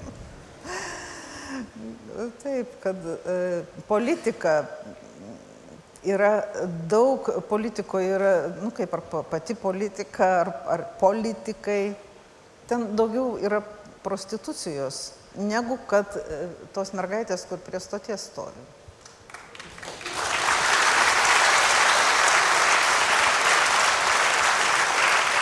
Iškirpsit. Teks Tikrai ne. Galim iškirti viską. Bet va šitą tai mes jau paliksim ir dar sumontuosim su premjeru. Ką.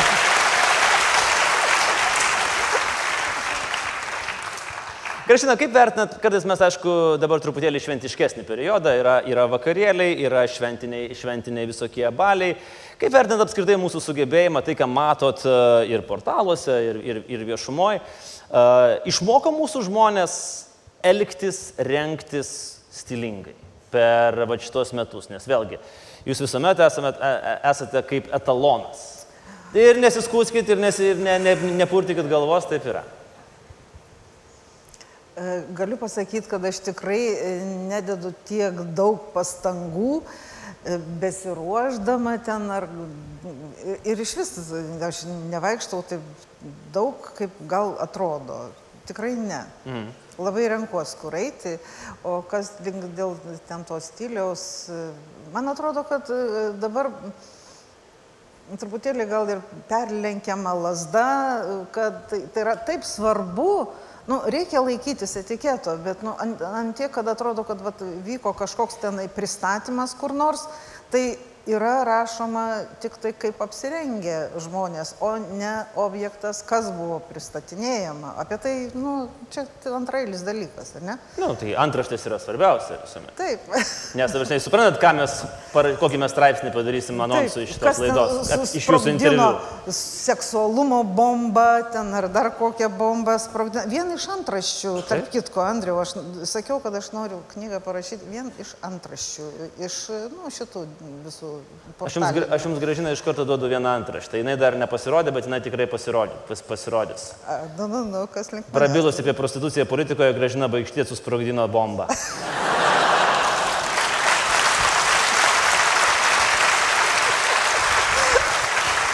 Gražina, o jūs tikite kalėdų seneliu? Čia tokie mūsų klausimai visiems. Bet galiu pasakyti, kad iki šiol mūsų šeima, mano dukros, vyras, nu vyras, jisai ne kaip dalyvis, bet, žodžiu, Na, na. ra, rašom kalėdų senelių laiškus. Mhm.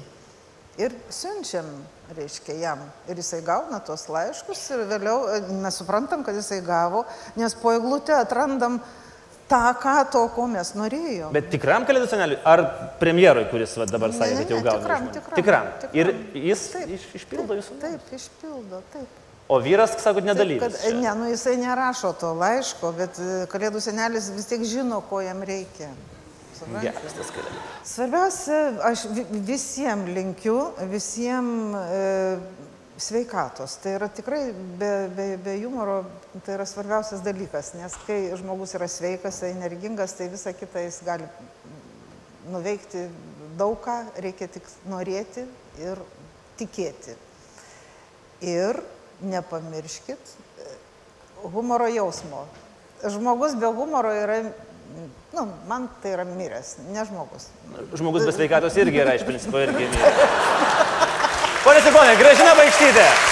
Ačiū labai, ponė gražina. Ačiū. Gerų, gerų metų. Ir geros paties.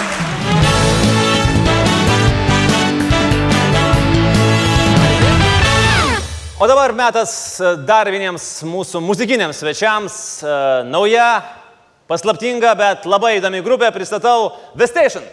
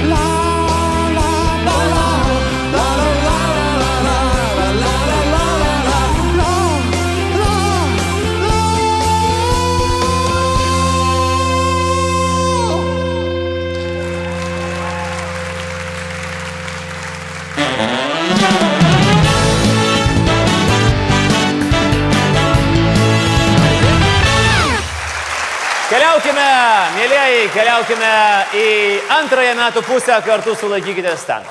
O judesio netruko visais mėnesiais, netruko jo ir Liepa. Visas pasaulis tada užjudėjo, žinot, kokiu ritmu - Pokemon Go. Ir kartais šitas žaidimas įtraukia taip, jog tu eini, eini, eini, ar ne, ar net nematai, kur eini. Ir va taip gaudydamas Pokemonų savo sąrašų, Ramūnas Karbauskis atsidūrė Šilainiuose. Apsidairė, pamatė, kad čia tikrai kandidatuoja tokie Pokemonai kaip Pūkas, Vesaitis, Ašiurinskas, Dagys ir Mikaitis ir nusprendė pasilikti. Ramūnas jau su Saulium tikriausiai įdėmiai stebėjo ir Europos futbolo čempionatą, o stebėdami žymėjosi bloknotuose, kad maži gali būti dideli. O tada, kai Islandija įveikė tradiciškai vilčių teikiančią, tačiau tradiciškai nuviliančią Angliją, turbūt pirmą kartą jie aiškiai suprato, kad gali įveikti ir konservatorius. Na, o kai prancūzai namų stadione finale kirto prieš portugalus, Ramūnas Karbauskis suprato, kad ir Algirdą Butkevičių Vilkaviškyje galima pajudinti. Valdemaras Tomaševskis, nenuilstamai kovojantis už tautinių mažumų teisės, jeigu Kremlių galima vadinti tautinę mažumą Lietuvoje, Liepa pagaliau pasiekė pirmąją pergalę. Vilniuje atsirado gatvės lentelė su dviguba V. Deja, ant jos buvo parašyta Washington. Tie, kurie dirba Washingtonui, koją pakišo ir Petrui Gražuliai. Būtent Liepa Gražulis neteko saugiai ant stalčiaus dugno priklijuotų 9000 eurų ir apytiksliai skaičiavimais 7 koldūnų pakelių patikimai saugotų šaldiklyje. Tačiau Liepa patyrėme ne tik tai. Žmonės, kurie pamatė naujai iškilusi prekybos centrą, iškart pareiškė, kad geriau buvo pastatyti naują gamyklą, Liepa galėjo švęsti. Lietuva pagal pramonės augimą atsidūrė šeštoje vietoje tarp visų ES valstybių. Tačiau Liepa, Liepa vis tiek baigėsi Pitrieninė. Sveikindama abiturientus, ji ragino juos kurti Lietuvą, kai mūsų jau nebebus. Abiturientai aiškiai nesitikėjo, kad į trasą kurti Lietuvą jau reikės stoti nuo spalio 10 dienos. Rūpiutis buvo auksinis sporto šaukštų ir koldūnų mėnuo. Rio olimpiada atnešė sporto nusivylimų. Krepšininkai skendo ispaniškoje Sangrijoje, Meilutytė skendo ašarose, o genialusis krepšinio komentatorius Mindaugas Rainys skendo tautos neapykantos liūnę. Olimpiados dvasia persėmęs Artūras Zuokas rūpiutį pakartojo savo legendinį pabėgimo maratoną. Tik šį kartą ne į Lenkiją iš Lietuvos, o iš Karoliniškių į Senamestį, tolyn nuo Sauliaus Kvernelio. Pirmą kartą bėgo nuo STT, nepavyko. Bėgo nuo Skvernelio, kur dabar Zuokas, o kur dabar yra Skvernelis, patys puikiai matėme. Šudina olimpiada, pasakytumės. Nėra aukso, nėra, na ką čia slėpsi. Čia į pagalbą, kaip ir priklauso, atėjo krašto apsauga su Juozu Oleku priešakyje ir padavė mums aukso. Kalną brangių, gražių, auksinių šaukštų. Mūsų Goldfingeris ir Littlefingeris viename, Juozas Olekas, tapo pirmoju Lietuvoje ministru iškovojusi auksą iškart dviejose kategorijose - virtuvės ir viešųjų pirkimų. Tiesa, čia jo kaip politikos sportininko karjera ir baigėsi. Ir turbūt dar ilgokai dėl auksinių šaukštų negausis aukštų postų nei partijoje, nei valstybėje. Kita ministrė, Baltraitinė, Facebook'e ieškojo kompanionų medžioklį. Bet susišaudė bėdą. Drauge medžiojas veterinarijos ir maisto tarnybos direktorius Jonas Milius, kuris po to dar kurį laiką raitėsi kaip riebus žaltys, įrodinėdamas, kad kalti visi kiti tik ne jis, ir prireikė visų jungtinių aukščiausių šalies vadovų pastangų, kad jis būtų išmestas iš barščių. Patarimas naujai valdžiai. Jeigu jau taip sunku atleisti susikompromitavusius valdininkus, gražinkit į nacionalinį transliuotoją realybės šou Atleisk. Besibaigiančią vasarą laistėm ašarom. Sovietų sąjungos fanas Olegas Gazmanovas nebuvo įleistas į Lietuvą ir dėl to ilgai verkė. Verkėme ir mes. Nepadės turbūt Olego ašaros, nelauks jo Lietuva išskėtus rankas ir koncertų salių iš čia greičiausiai jau neberinks. Su tuo ir sveikinu mūsų jauną demokratiją. Verkė, verkė ir atsiprašinėjo ir rokiškio socdemai, nes savo skyriaus šventėje Baracką Obamą pavaizdavo kaip beždžionę. Ir tai daug daugiau pasako ne apie Baracką Obamą, be abejo, o apie rokiškio socdemus. Sakote, dabar jau viską matėte? Ne, šis mėnuo nepraėjo be audronės Pitrieninės. Kaip matome, rūpjūtį ji pasakė, kad dabar jau pamatė ir sužinojo viską. Rūpiutį sėkmingai pardavinėjome technologijų know-how užsienio partneriams. Brazilijos prezidentė Dilma Rousseff apkaltos būdu buvo nušalinta, nebejotinai naudojant lietuvišką know-how. Kaip pašalinti prezidentą mes išmokome dar prieš 12 metų. Visgi rūpiutis buvo geras mėnuo. Iš jo sėkmingai išplaukė tie, kurie buvo su irklais. Žinoma, mes kalbam apie tikrosius Lietuvos irkluotojus. Olimpinėse žaidynėse Lietuvai pelniusius du bronzos medalių komplektus ir vieną sidabrą. Milda, Donata, Aurimai, Edvinai, Mindaugai ir Sauliau. Plojam jums dar kartą.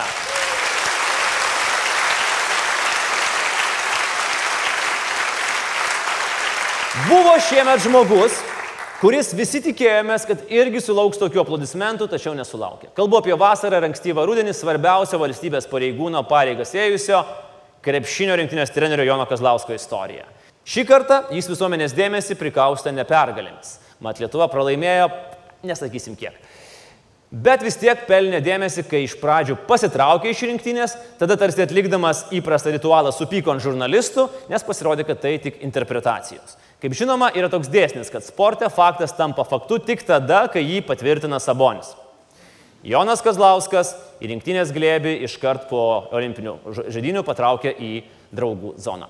Nepaisant įkalbinėjimų, kad gal grįžk, gal nebebus taip kaip seniau, dėja taip ir nebegrįžo ir šitą faktą jau mums patvirtino Sabonis. Na, o Lietuva, Lietuva ėmė galvoti apie paskolas. Ir tai yra laiko reikalaujantis procesas. Eligijus Masiulis galvojo keturis mėnesius ir prisiminė, kad ar tai 90, ar tai 106 tūkstančius eurų paėmė kaip paskolą, o į butelio dėžutę žmogus kadaise turėjo šansų tapti premjeru, juos sugrūdo savomis rankomis.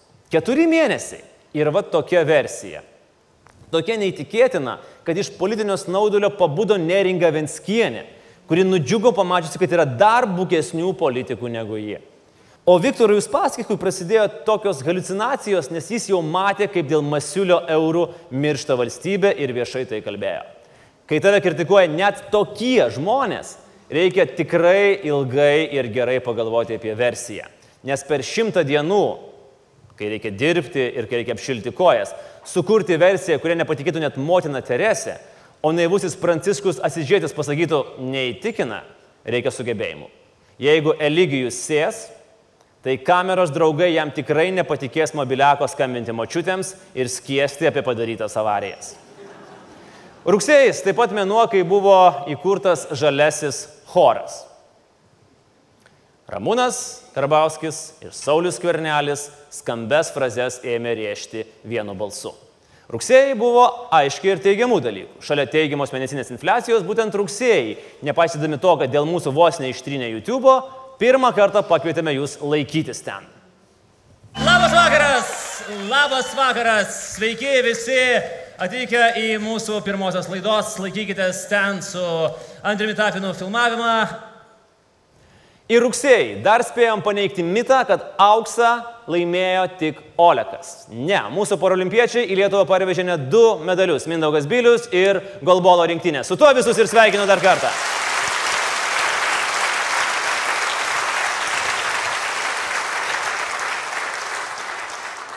O dabar prieš keliaujant į paskutinius tris labai intensyvius mūsų metų mėnesius, norėčiau pasveikinti dar vieną šaunų atlikėją, tikrą tarptautinę Lietuvos muzikos žvaigždę Martiną Levitskį. Sveikas Martinai, malonu matyti.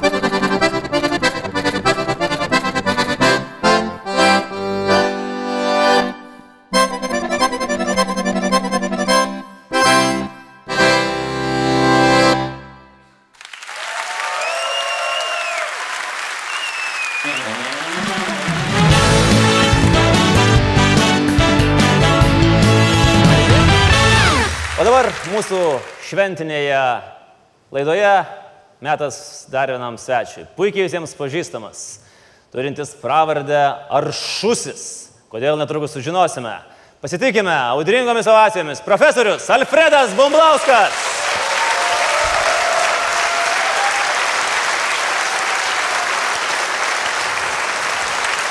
Profesoriau, malonu, prašau.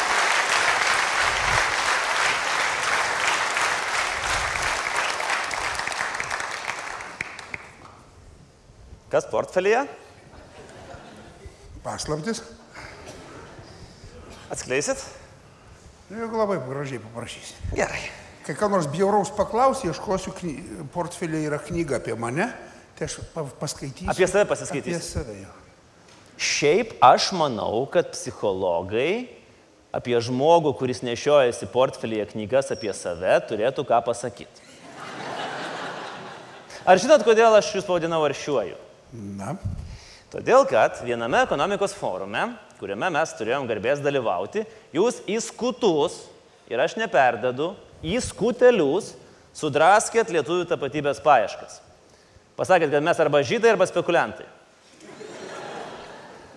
Ne visai taip. Gerai, tada Nu, ne visai kaip taip. Nu, aš sakiau, kad verslininkų ten gauja susirinkusi. Taip? Nebekvies manęs į tą forumą jau dabar matau. Nu, tokia.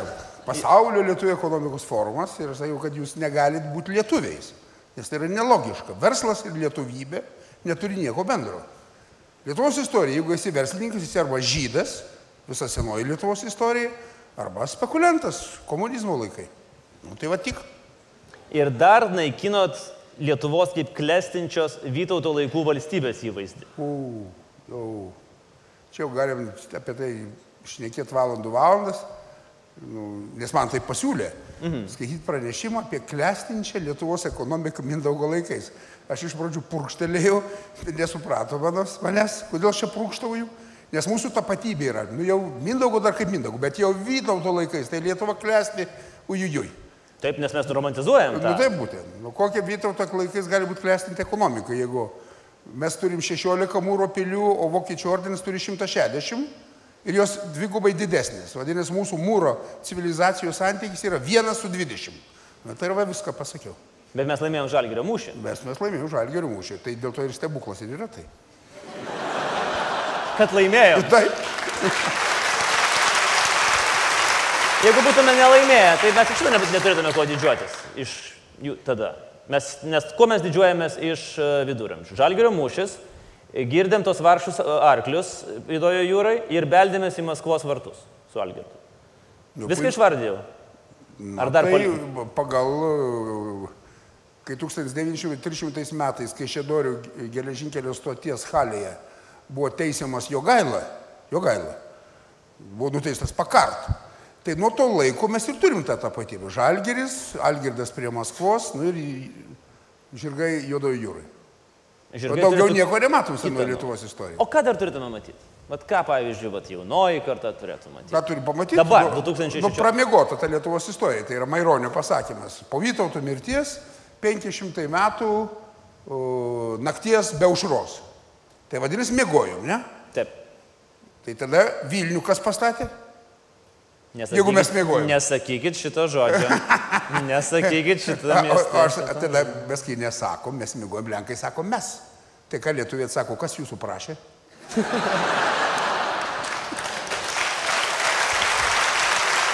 tai Vilnius. O dar kas? Labai gražiai yra Henrikas Samsonovičius, Lenkų, jau čia profesorių profesorius pasakęs. Duona, tolerancija, demokratija, barokas ir konstitucija. Penki daiktai, kurie turėtų mokėti visi. Per 16-18 amžių Lietuva kartu su Lenkija nuo Poliublino unijos davė Europai šitos penkis dalykus. Ar apie tai mes dažnai šnekam? Apie ką mes per dažnai šnekam jūsų nuomonė?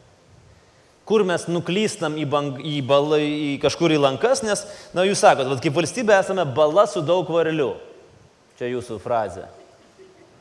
Tai mes kažkur neten nuklystam, kažką netaip kurkiam. Nu, mes ne, ne tuos dalykus iškeliam. Labai dažnai, sakykim, o artėja Lietuvos šimtmetis. Taip. Vasario 16. Na, ar turime mes Lietuvos istorijos tokį bendrą vaizdinį? Kas, ką davė Smetonos Lietuva? Aš taip apibendrintai išneku. Ne pats Smetona, o Smetonos Lietuva. Tai štai dabar pakartosiu. Irgi tokia formulė. Sviestas, antbo ir krepšinis. Man patinka. Trys. Labai lengva įsidėmėti. Taip. Sviestas, antbo krepšinis. Na, va. Viskas gerai. Labai norėčiau, kad kada nors sukurtume tokį, kad visi Lietuvo žmonės tą įsidėmėtų, o jo labiau Kaunas čia yra šiuo atveju bastionas šitų reikalų. Ir sviestų, ir anbų, ir krepšinio. Ir dar su puikiaja dabar Kauno modernų architektūra, kur yra jau UNESCO jau paveldų sąraše. Turbūt, ne? Tai štai. Apie tai reikia šnekėti, kuo mes turime civilizacinių pasiekimų. O mes šnekam apie tai, kad, nežinau, apie varlės valoj. O kalbant apie šimtmetį, po metų turėsim na, didžiausią, ryškiausią įvykį turbūt, ar ne? Mes sugebėsim atšvesti? Nemanau. Baikit, nemanau. Nu tai kad aš nežinau, kas vyktų. O kas vyks, gal pats žinai? Šiek tiek- Nežinau, jūsgi ten komisijose visokiose Ne, ten. nesu, ten... man nieks, nieks netraukia. O tai aš daugiau sakau, gal įsivaizduoju- pats, pats arčiau kur nors ten esi, gal žinai. Ne, aš vat jūsų klausiu, nes Ne, nežinau. aš nežinau. Ir jūs nežinau. Aš žinau tik tai tiek, kad uh, 11 metais buvo paskelbta, kad mes vėluojam ruoštis, 15 buvo sudaryta darbo grupė, 16 buvo sudarytas komitetas. Taip. Ir viskas. Nu Tiek, taip. O jau mane kreipėsi, kad gal kuriam brandą. Sakau, o kam tas brandas, jeigu aš nežinau, kas bus. Gal brandy? Nu, gal brandy. Gal brandy. Nes šito tai ne, gal ir Na, neatsisakytume. matot, jo, aišku, prie brandžio, kodėl ne. O gerai, nu įsivaizduokim, profesorius Bumblauskas yra, dabar pasakysim angliškai, in charge. Taip? Ką darot, kad šimtmetis būtų toks, uh. Nes aš, pavyzdžiui, kai bendravau su prancūzijos lietuviais, aš sakau, žiūrėkit, jūs šiandien neapsiribokit Milošo uh, parodomis, ten galerijoje, kur, kur telpa 20 žmonių, jūs sus, susitarkite, kad apšviestų triumfo arką vasario 16 per mūsų trispalių. O ką jūs darytumėte? Įsivaizduokit, yra pinigų, nes pinigų yra.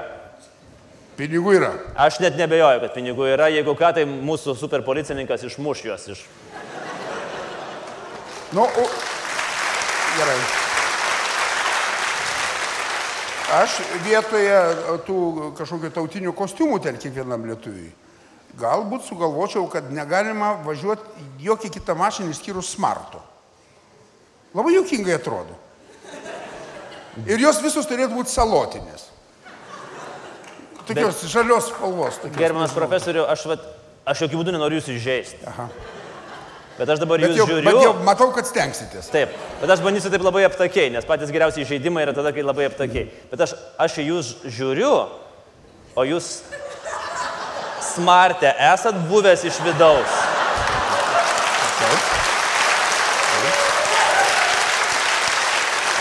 kai man e, nacionaliniam premijų laureatų laureatas Šarūnas Sauka įpuolė vidury dienos į užpakalį.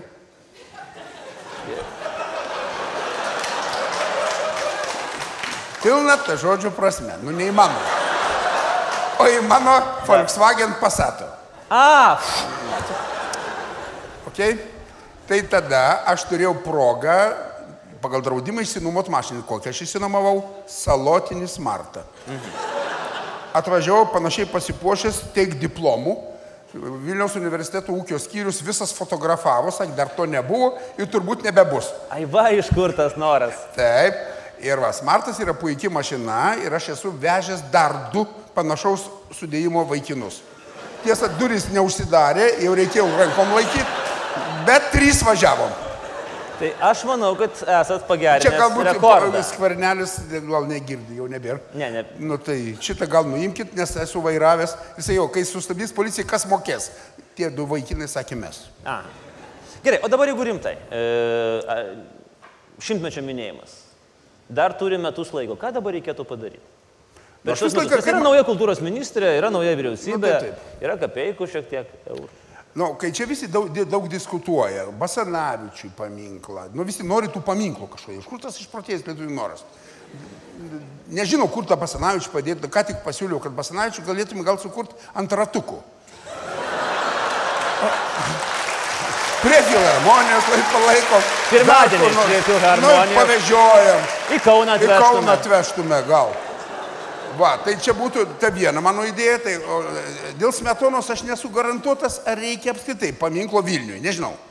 Bet e, vieną dalyką tai tikrai esu sakęs, kad kai manęs kreipėsi, kodėl jūs sako, jūs taip nelabai mėgstat smetonos. Nu, aš žinau, už ką nemėgstu, galim šnekėti, bet, e, nu, sakau, man šiandien labai patinka Vilniui, kad kiekvieną rytą išvažiuoja troleibusai į darbą, vairuotojai algas gauna, santariškių medikai susirinks, sako, ar už tai turime statyti paminklą, nu, tuo metu premjeras buvo Butkevičiui. Tai žmonės taip pagalvojo, nu gal tikrai neverta. Nu, Tai nedaug. aš ir noriu nedaug. sakyti, smetonai, nu už ką paminklą, bet smetoniniai Lietuvai ir per metus dar būtų gali padaryti. Mėlyjei, gudžiūnų pieninė griūna. Pieninę restauruokim vieną. Ir tai bus paminklas smetoniniai Lietuvai. Aš tai prašau. Paprasta ir aišku. Aš išgirdau iš jūsų, kad jūs nepalaikot Ramūno Karbauskio iniciatyvos dėl tautinio kostiumo, jis gal nelietuvis. Nu, aš matot, kai, kai šneka, kad va, tautos namai kažkur turi būti. Tai man vienas bičiulis klausė, a kokios tautos?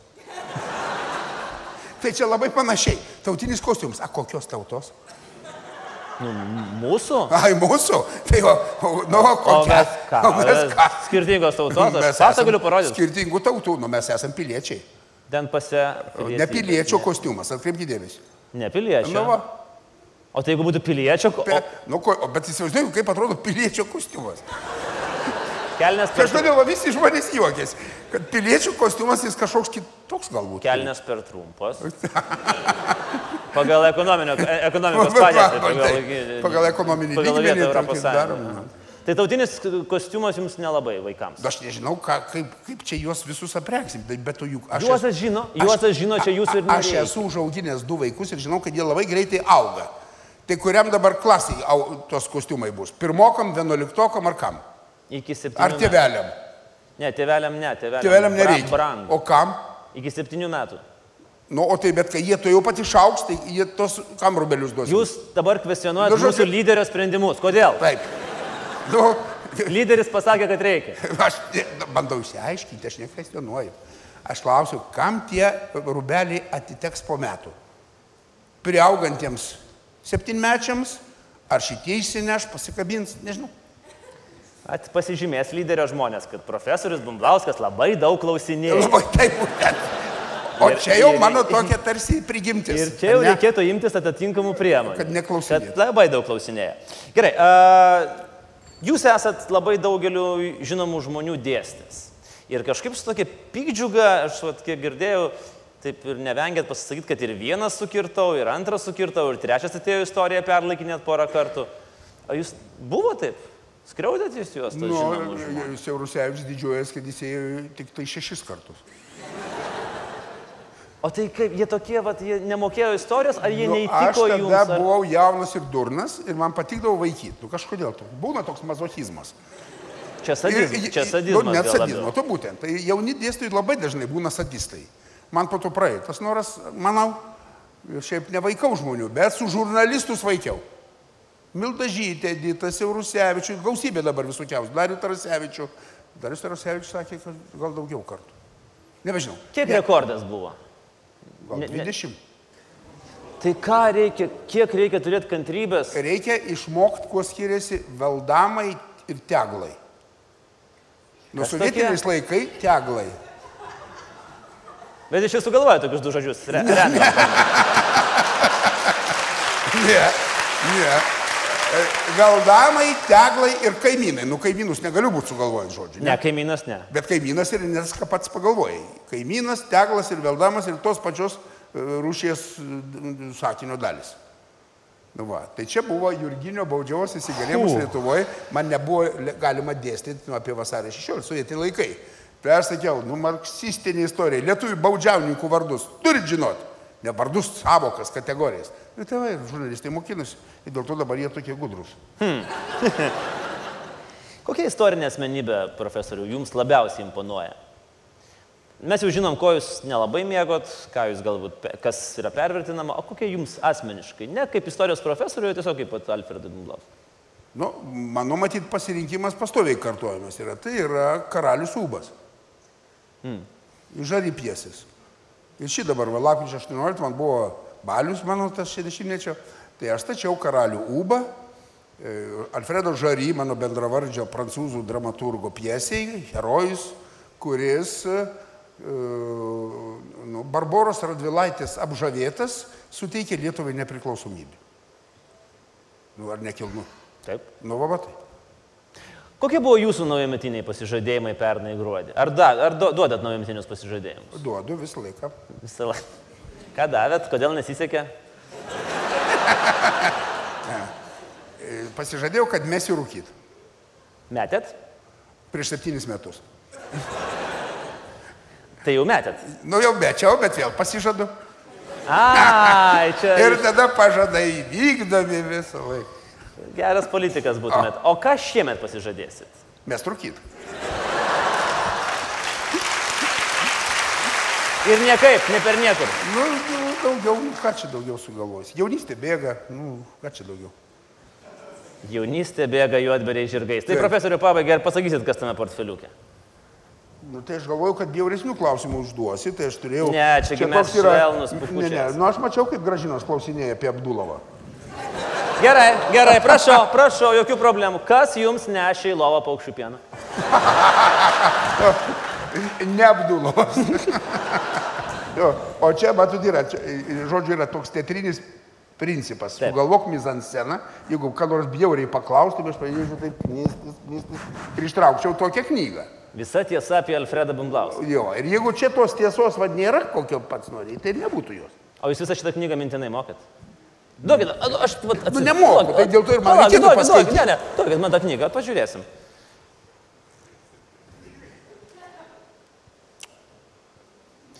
Taip. Koks yra Alfredo vaidmuo? O, žiūrėkit, aš čia paklausinėsiu jūsų. Koks yra Alfredo vaidmuo Lietuvos istorijoje ir Vilniaus universiteto gyvenime? Alfredas Bumblauskas yra universiteto įvaizdžio dalis. Jis yra tikrai žmogus, ne... Ne kas? Nežinau. Kas Ne- čia sako? Kas čia sako? tai? Kas sako, kas sako, nėra čia taip paprasta. Eligijus Railakas. Jis yra žmogus, Taip? ne keulė.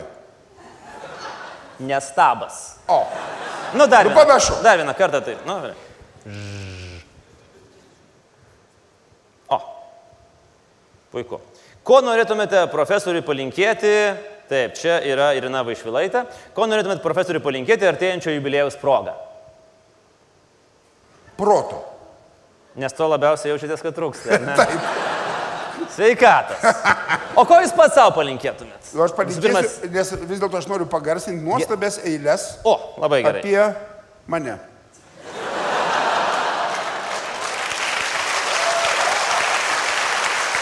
Aš kaip suprantu. Juozo Erlicko atgimimo baladė.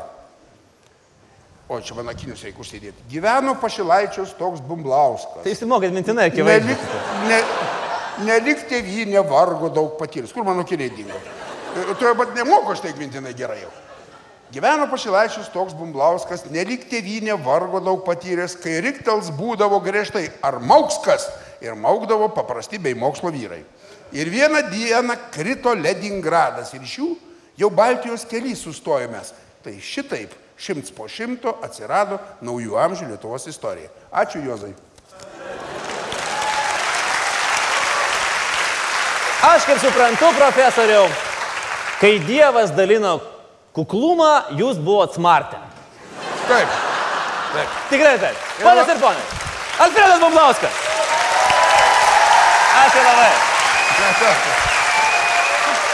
Bet kur mano akiniai? Surasim.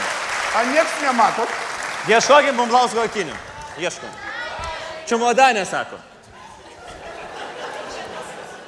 Tiksliai. Ačiū. Stebuklas. Bet čia ne čia maldanas, čia portfelis. Čia. Su kuriuo plaukiau nuo Minsko iki Klaipėdos. Su tuo ir sveikinu mūsų jauną Ačiū. demokratiją. Ačiū. Ačiū Bumblausko.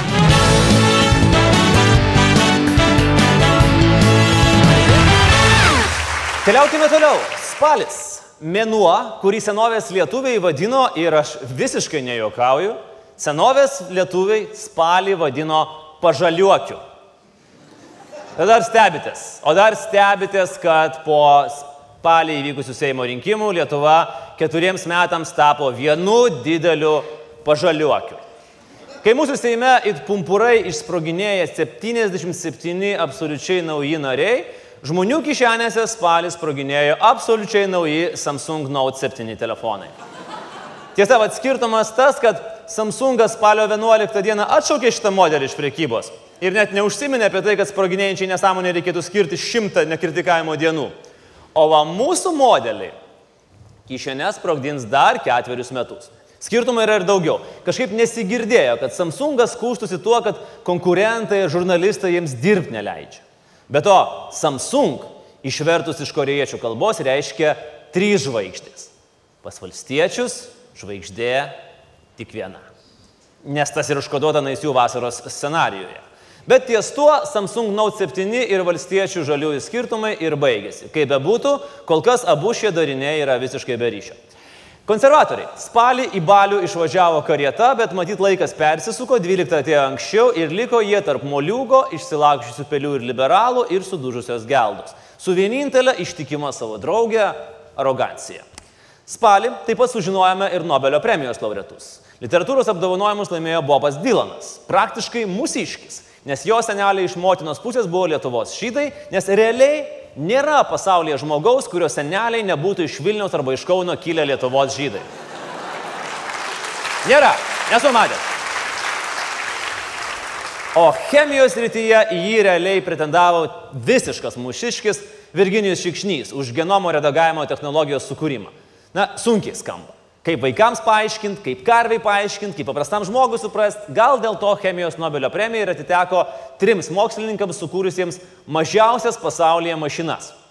Aišku, praktinis tokio išradimo pritaikomumas paprastam žmogui arba profesoriui Alfredui Bamblauskui turėtų kelti abejonių, nes daugelis svajoja apie erdvesnės mašinas, bet privalumas tas, na, kas yra mažas automobilis, aišku, ir paprastam žmogui. Bet atmetus ironiją, lietuvis realiai pretendavęs šiemet į Nobelio premiją iš ties yra tas pagrindinis metų įvykis, kuriam gali skambėti garsiausi mūsų aplodismentai.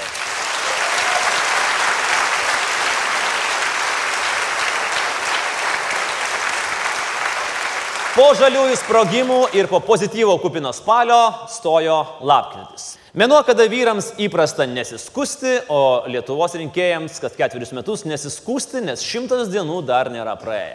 Pasauliui lapkritis, kaip jau įprasta, prasidėjo neskaniai, nes lapkričio pirmoji yra pasaulinė veganų diena.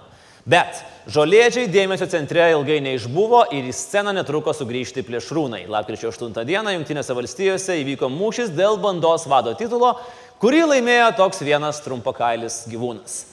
Lapkričio 10 dieną Maskvos teismas visoje Rusijos teritorijoje oficialiai uždraudė socialinį tinklą LinkedIn. Beje, man iki šiol labai keista, kad mes turėjome tik LinkedIn ir kad garliavos psichozės metu Lietuvoje nesusikūrė į LinkedIn panašus mergaitės gynėjus ir pedofilų gaudytojus vienijantis socialinis tinklas LinkedIn. Na ir galų gale lapkritį Julius Pagojus įrodė, kad žmonės visgi gali skraidyti, netgi labai greitai ir su muzika skrido iš ministro posto už tą neišsivedėjusi kvapelį. Ir paskutinis prisiminimas iš lapkričio 30-osios. Ukrainoje gimęs, bet savo šalį į Rusiją išmainęs, Krymo aneksiją palaikantis Vladimiro Putino maksimum Rykis. Sergejus Karjakinas ilgai krymojo prie šachmatų lentos, bet visgi prapylė pasaulio čempionui Norvegui Magnusui Carlsonui. Bet prie šachmatų mes dar tikrai sugrįšim. Gražiausia lapkričio akimirka - prasidėjęs Kalėdų sezonas. Visose miestuose uždegtos Kalėdų eglutės suteikia žmonėms truputį ramybės ir gerų emocijų po visos mūsų 2016 metų peklos. Taika atėjo netgi į Vilnių ir į Kauną. Pirmą kartą per 700 metų miestai nesusipešė dėl to, kieno eglutė gražesnė. Ir netgi santūriai, nenorėkim per daug, bet pagyrė vienas kitą. Po trumpo lapkričio atėjo gruodis, šventiškiausias metų mėnuo. Tiesa, naujoji vyriausybė būtent gruodį baigė švęsti pergalę ir pradėjo darbus. Jei taip galima pavadinti ministro kabineto, kuriame vienas visgi švęsti kažkada laiku buvo nespėjęs pabaigti suformavimą. Kitas nebeministras savo ruoštų paaiškėjo, kad yra bent jau dvasinėme kalėjime. Liūdnai pagarsėjęs Julius Kvedaras kadaise sakė, kad visada buvo ir bus bahūras. Buvusio teisingumo ministro Bernatonio ambicijos netokios didelės, bahūrais gal ir netaps, nes tai, kad nestukačius, dar nereiškia, kad bahūras. Bet jeigu bahūras, tada tikrai nestukačius. Nu, žodžiu, čia reikia būti ministru, kad susivoktum visose šitose panetkėse. Šitą bendram išprusimui žinokite, ypač tuo atveju, jeigu kada nors gyvenime nuspręsite pasinaudoti Lietuvos socialdemokratų partijos įdarbinimo agentūros atkata paslaugomis. Bet Bet gražesnis nutikimas - gruodį Vilniaus Kalėdų eglė pateko tarp pasaulio gražiausiųjų. Na, Kaune, tu neklausyk tų nesąmoningų pasaulio eglučių rinkimų. Tavo eglutė vis tiek pati gražiausia, ką tas pasaulis nusimano apie eglutes. Užtat Alitui Kalėdos labiausiai siejasi su sportu. Miestas eglutę papuošė kažkodėl olimpiniais žiedais. Ir Alitus pataikė tiesiai į dešimtuką. Beveik iš karto po eglutės įžiebimo auksų suspindo ir plaukikas Simonas Bilis, tapęs pasaulio čempionu. Dar viena mūsų sėkmė.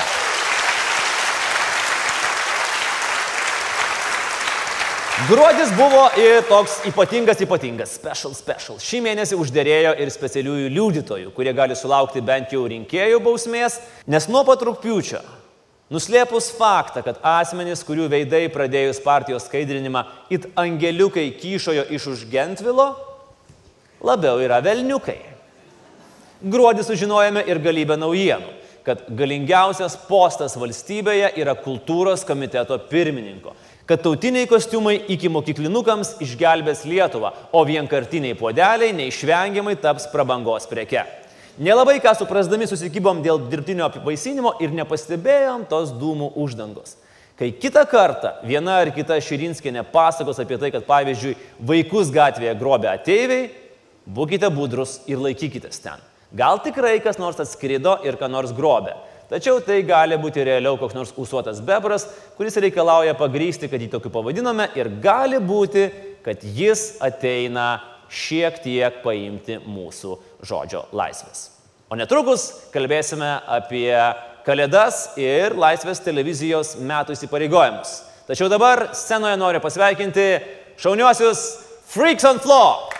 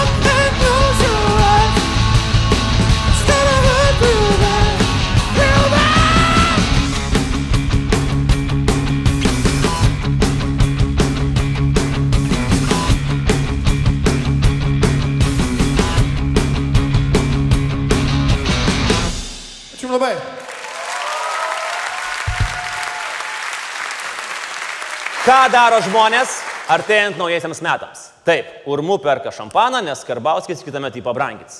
Arba uždraus. Arba pabrangins ir uždraus. Bet dažnas iš mūsų naujus metus pradeda rezoliucijomis. Mesiu rūkyti, mesiu svorį, pradėsiu sportuoti, išmoksiu naują kalbą, linkėjimai premjerė, laikykitės. Ištarsiu galbūt Lietuvos pavadinimą be klaidų ar aplankysiu penkias naujas valstybės. Kartais tai būna gražus ir lengvas šventas melas, o kartais ir pavyksta. Laikykitės ten ir Laisvės televizija irgi nusprendė duoti du naujametinius pasižadėjimus. Ne, tai nebus tautinių rūbų kaip privalomas Seimo narių uniformos įtvirtinimas. Ir tai nebus namuose laikomų papūgų privalomas pakeitimas gandrais. Ir aš nekeisiu savo vardo iš Andrius į Gandrius. Nors karjera valstiečių partijoje būtų garantuota. Ir mes įstatymų net neuždrausime plojimų lėktuvuose. Šitas tai būtų geras. Mes galvojame, kas galėtų duoti naudos ilguoju laikotarpiu. Kokie pokyčiai paliestų daugiausiai tautiečių ir nekainuotų kosminių pinigų. Ilgai galvojam, kas gali būti naudingiau augančiai naujai kartai už ramūno tautinį kostiumą. Ilgai galvojam, nes tautinis kostiumas yra nežmoniškai naudinga investicija, bet sugalvojam. Tai protas. Sprendimas yra, jis nenaujas, dalis šalių jį jau taiko ir skina vaisius. Jis nėra greitas. Turi praeiti nemažai metų, kad pradėtume jausti teigiamas pasiekmes ir jis liečia vaikus. Jis padės ugdyti jų mąstymą, logiką ir kūrybiškumą. Turime variantų? Įstatymų įtvirtintos šachmatų pamokos mokyklose. Visose mokyklose iki vienos. Ne čempionams ugdyti, nes čempioną būna tik vienas kitas. Moksliniai tyrimai rodo, kad žaidimas šachmatais ankstyvame amžiuje gerina intelektinės žmogaus savybės, gerina matematikos įgūdžius. Jeigu birutė visaitė žaistų šachmatais, šiluma Kaune anot jos paskaičiavimų nebūtų atpigusi šešis kartus, kai pasikeitė litas į eurus. Šachmatai gerina atmintį, įrodė tyrimai. Šachmatai gerina skaitimo įgūdžius. Kad ir kaip keistai skambėtų, bet tai irgi patvirtino tyrimai. Ir neturėtume mes dabar nacionalinio epo Lievatu, jei Loreta Graužinienė būtų žaidusi šachmatais. Šachmatai ugdo kūrybiškumą, stiprina sprendimų priimimo įgūdžius ir logiką. Ir galiausiai, tyrimai patvirtino, kad šachmatai stiprina kritinį mąstymą. Eh, Valentinai, būtumėt vaikystėje žaidę šachmatais, tai gal dabar nebūtų reikėję bėgti jau iš antros kestančios, ar turėčiau sakyti, nuskandintos partijos. Net ir tyrimo nereikia norint suprasti, kad šachmatai moko sugebėti pastebėti ne tik detalės, bet ir bendrą vaizdą ir numatyti kelis ėjimus į priekį. Galbūt šachmatai netgi mažina aroganciją? Jokaujam, Gabrieliau, dėl to tai jau tikrai jokaujam. Arogancijos tikrai niekas nesumažins. O dabar rimtai.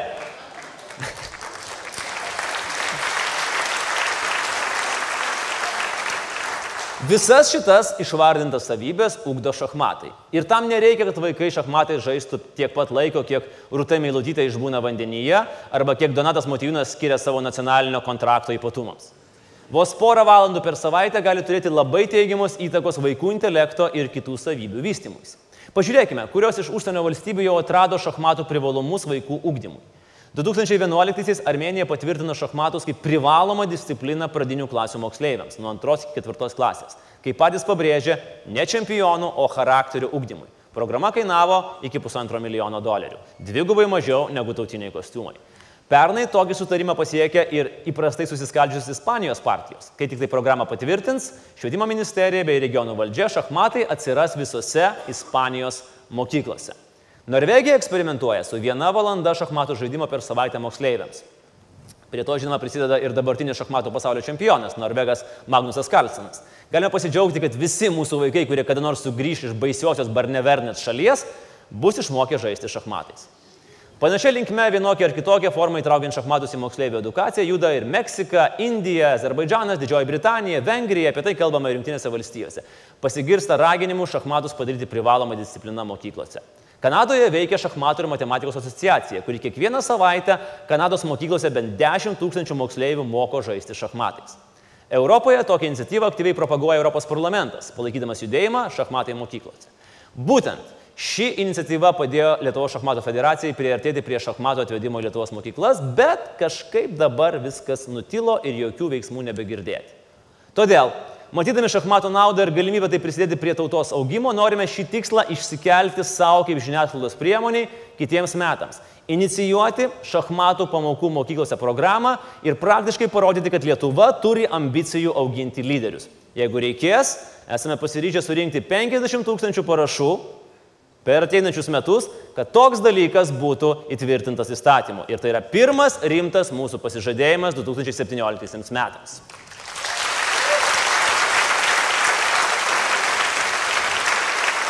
Bet gali nepait. Gali. Dėl to turim dar antrąjį pasižadėjimą. Daugelis pasaulio oro uostų turi vardus. Lenkai džiaugiasi ir didžiuojasi, kai lėktuvai leidžiasi į Šopeno oro uostą Varšuvoje. Estai į Leonardo Merio, jau nekalbant apie New Yorko JFK ar Paryžiaus Šarlio de Golio oro uostą. Ar nebūtų smagu patiems pakilti, sugrįžti ir priimti svečius oro uoste, kuris turi vardą? Turbūt žymiausio naujųjų laikų lietuvio Mikalojaus Konstantino Čiurlionio vardą. Oro uostą, kuriame svečiai gali grožėtis mūsų genijaus reprodukcijomis ar prisijungę prie interaktyvios sistemos klausytis jo simfonijų ištraukų. 2017 m. vasarą Vilniaus oro uostas užsidaro rekonstrukcijai. Galbūt jis galėtų atsidaryti jau būdamas tarptautiniu Vilniaus Mikalojaus Konstantino Čiurlionio oro uostu. Laisvės televizija imasi šių iniciatyvų kartu su visuomenė, nevyriausybinėmis ir verslo organizacijomis ir visais nebejingais žmonėmis. Visus 2017 metus rodysime, kaip vyksta šie procesai, kaip mes įveikiam kliūtis ir judam į priekį. Ir kas žino, apie ką mes kalbėsime po metų. Juk Laisvės televizijai geriausiai sekasi tada, kai visi kiti sako, jog tai yra neįmanoma.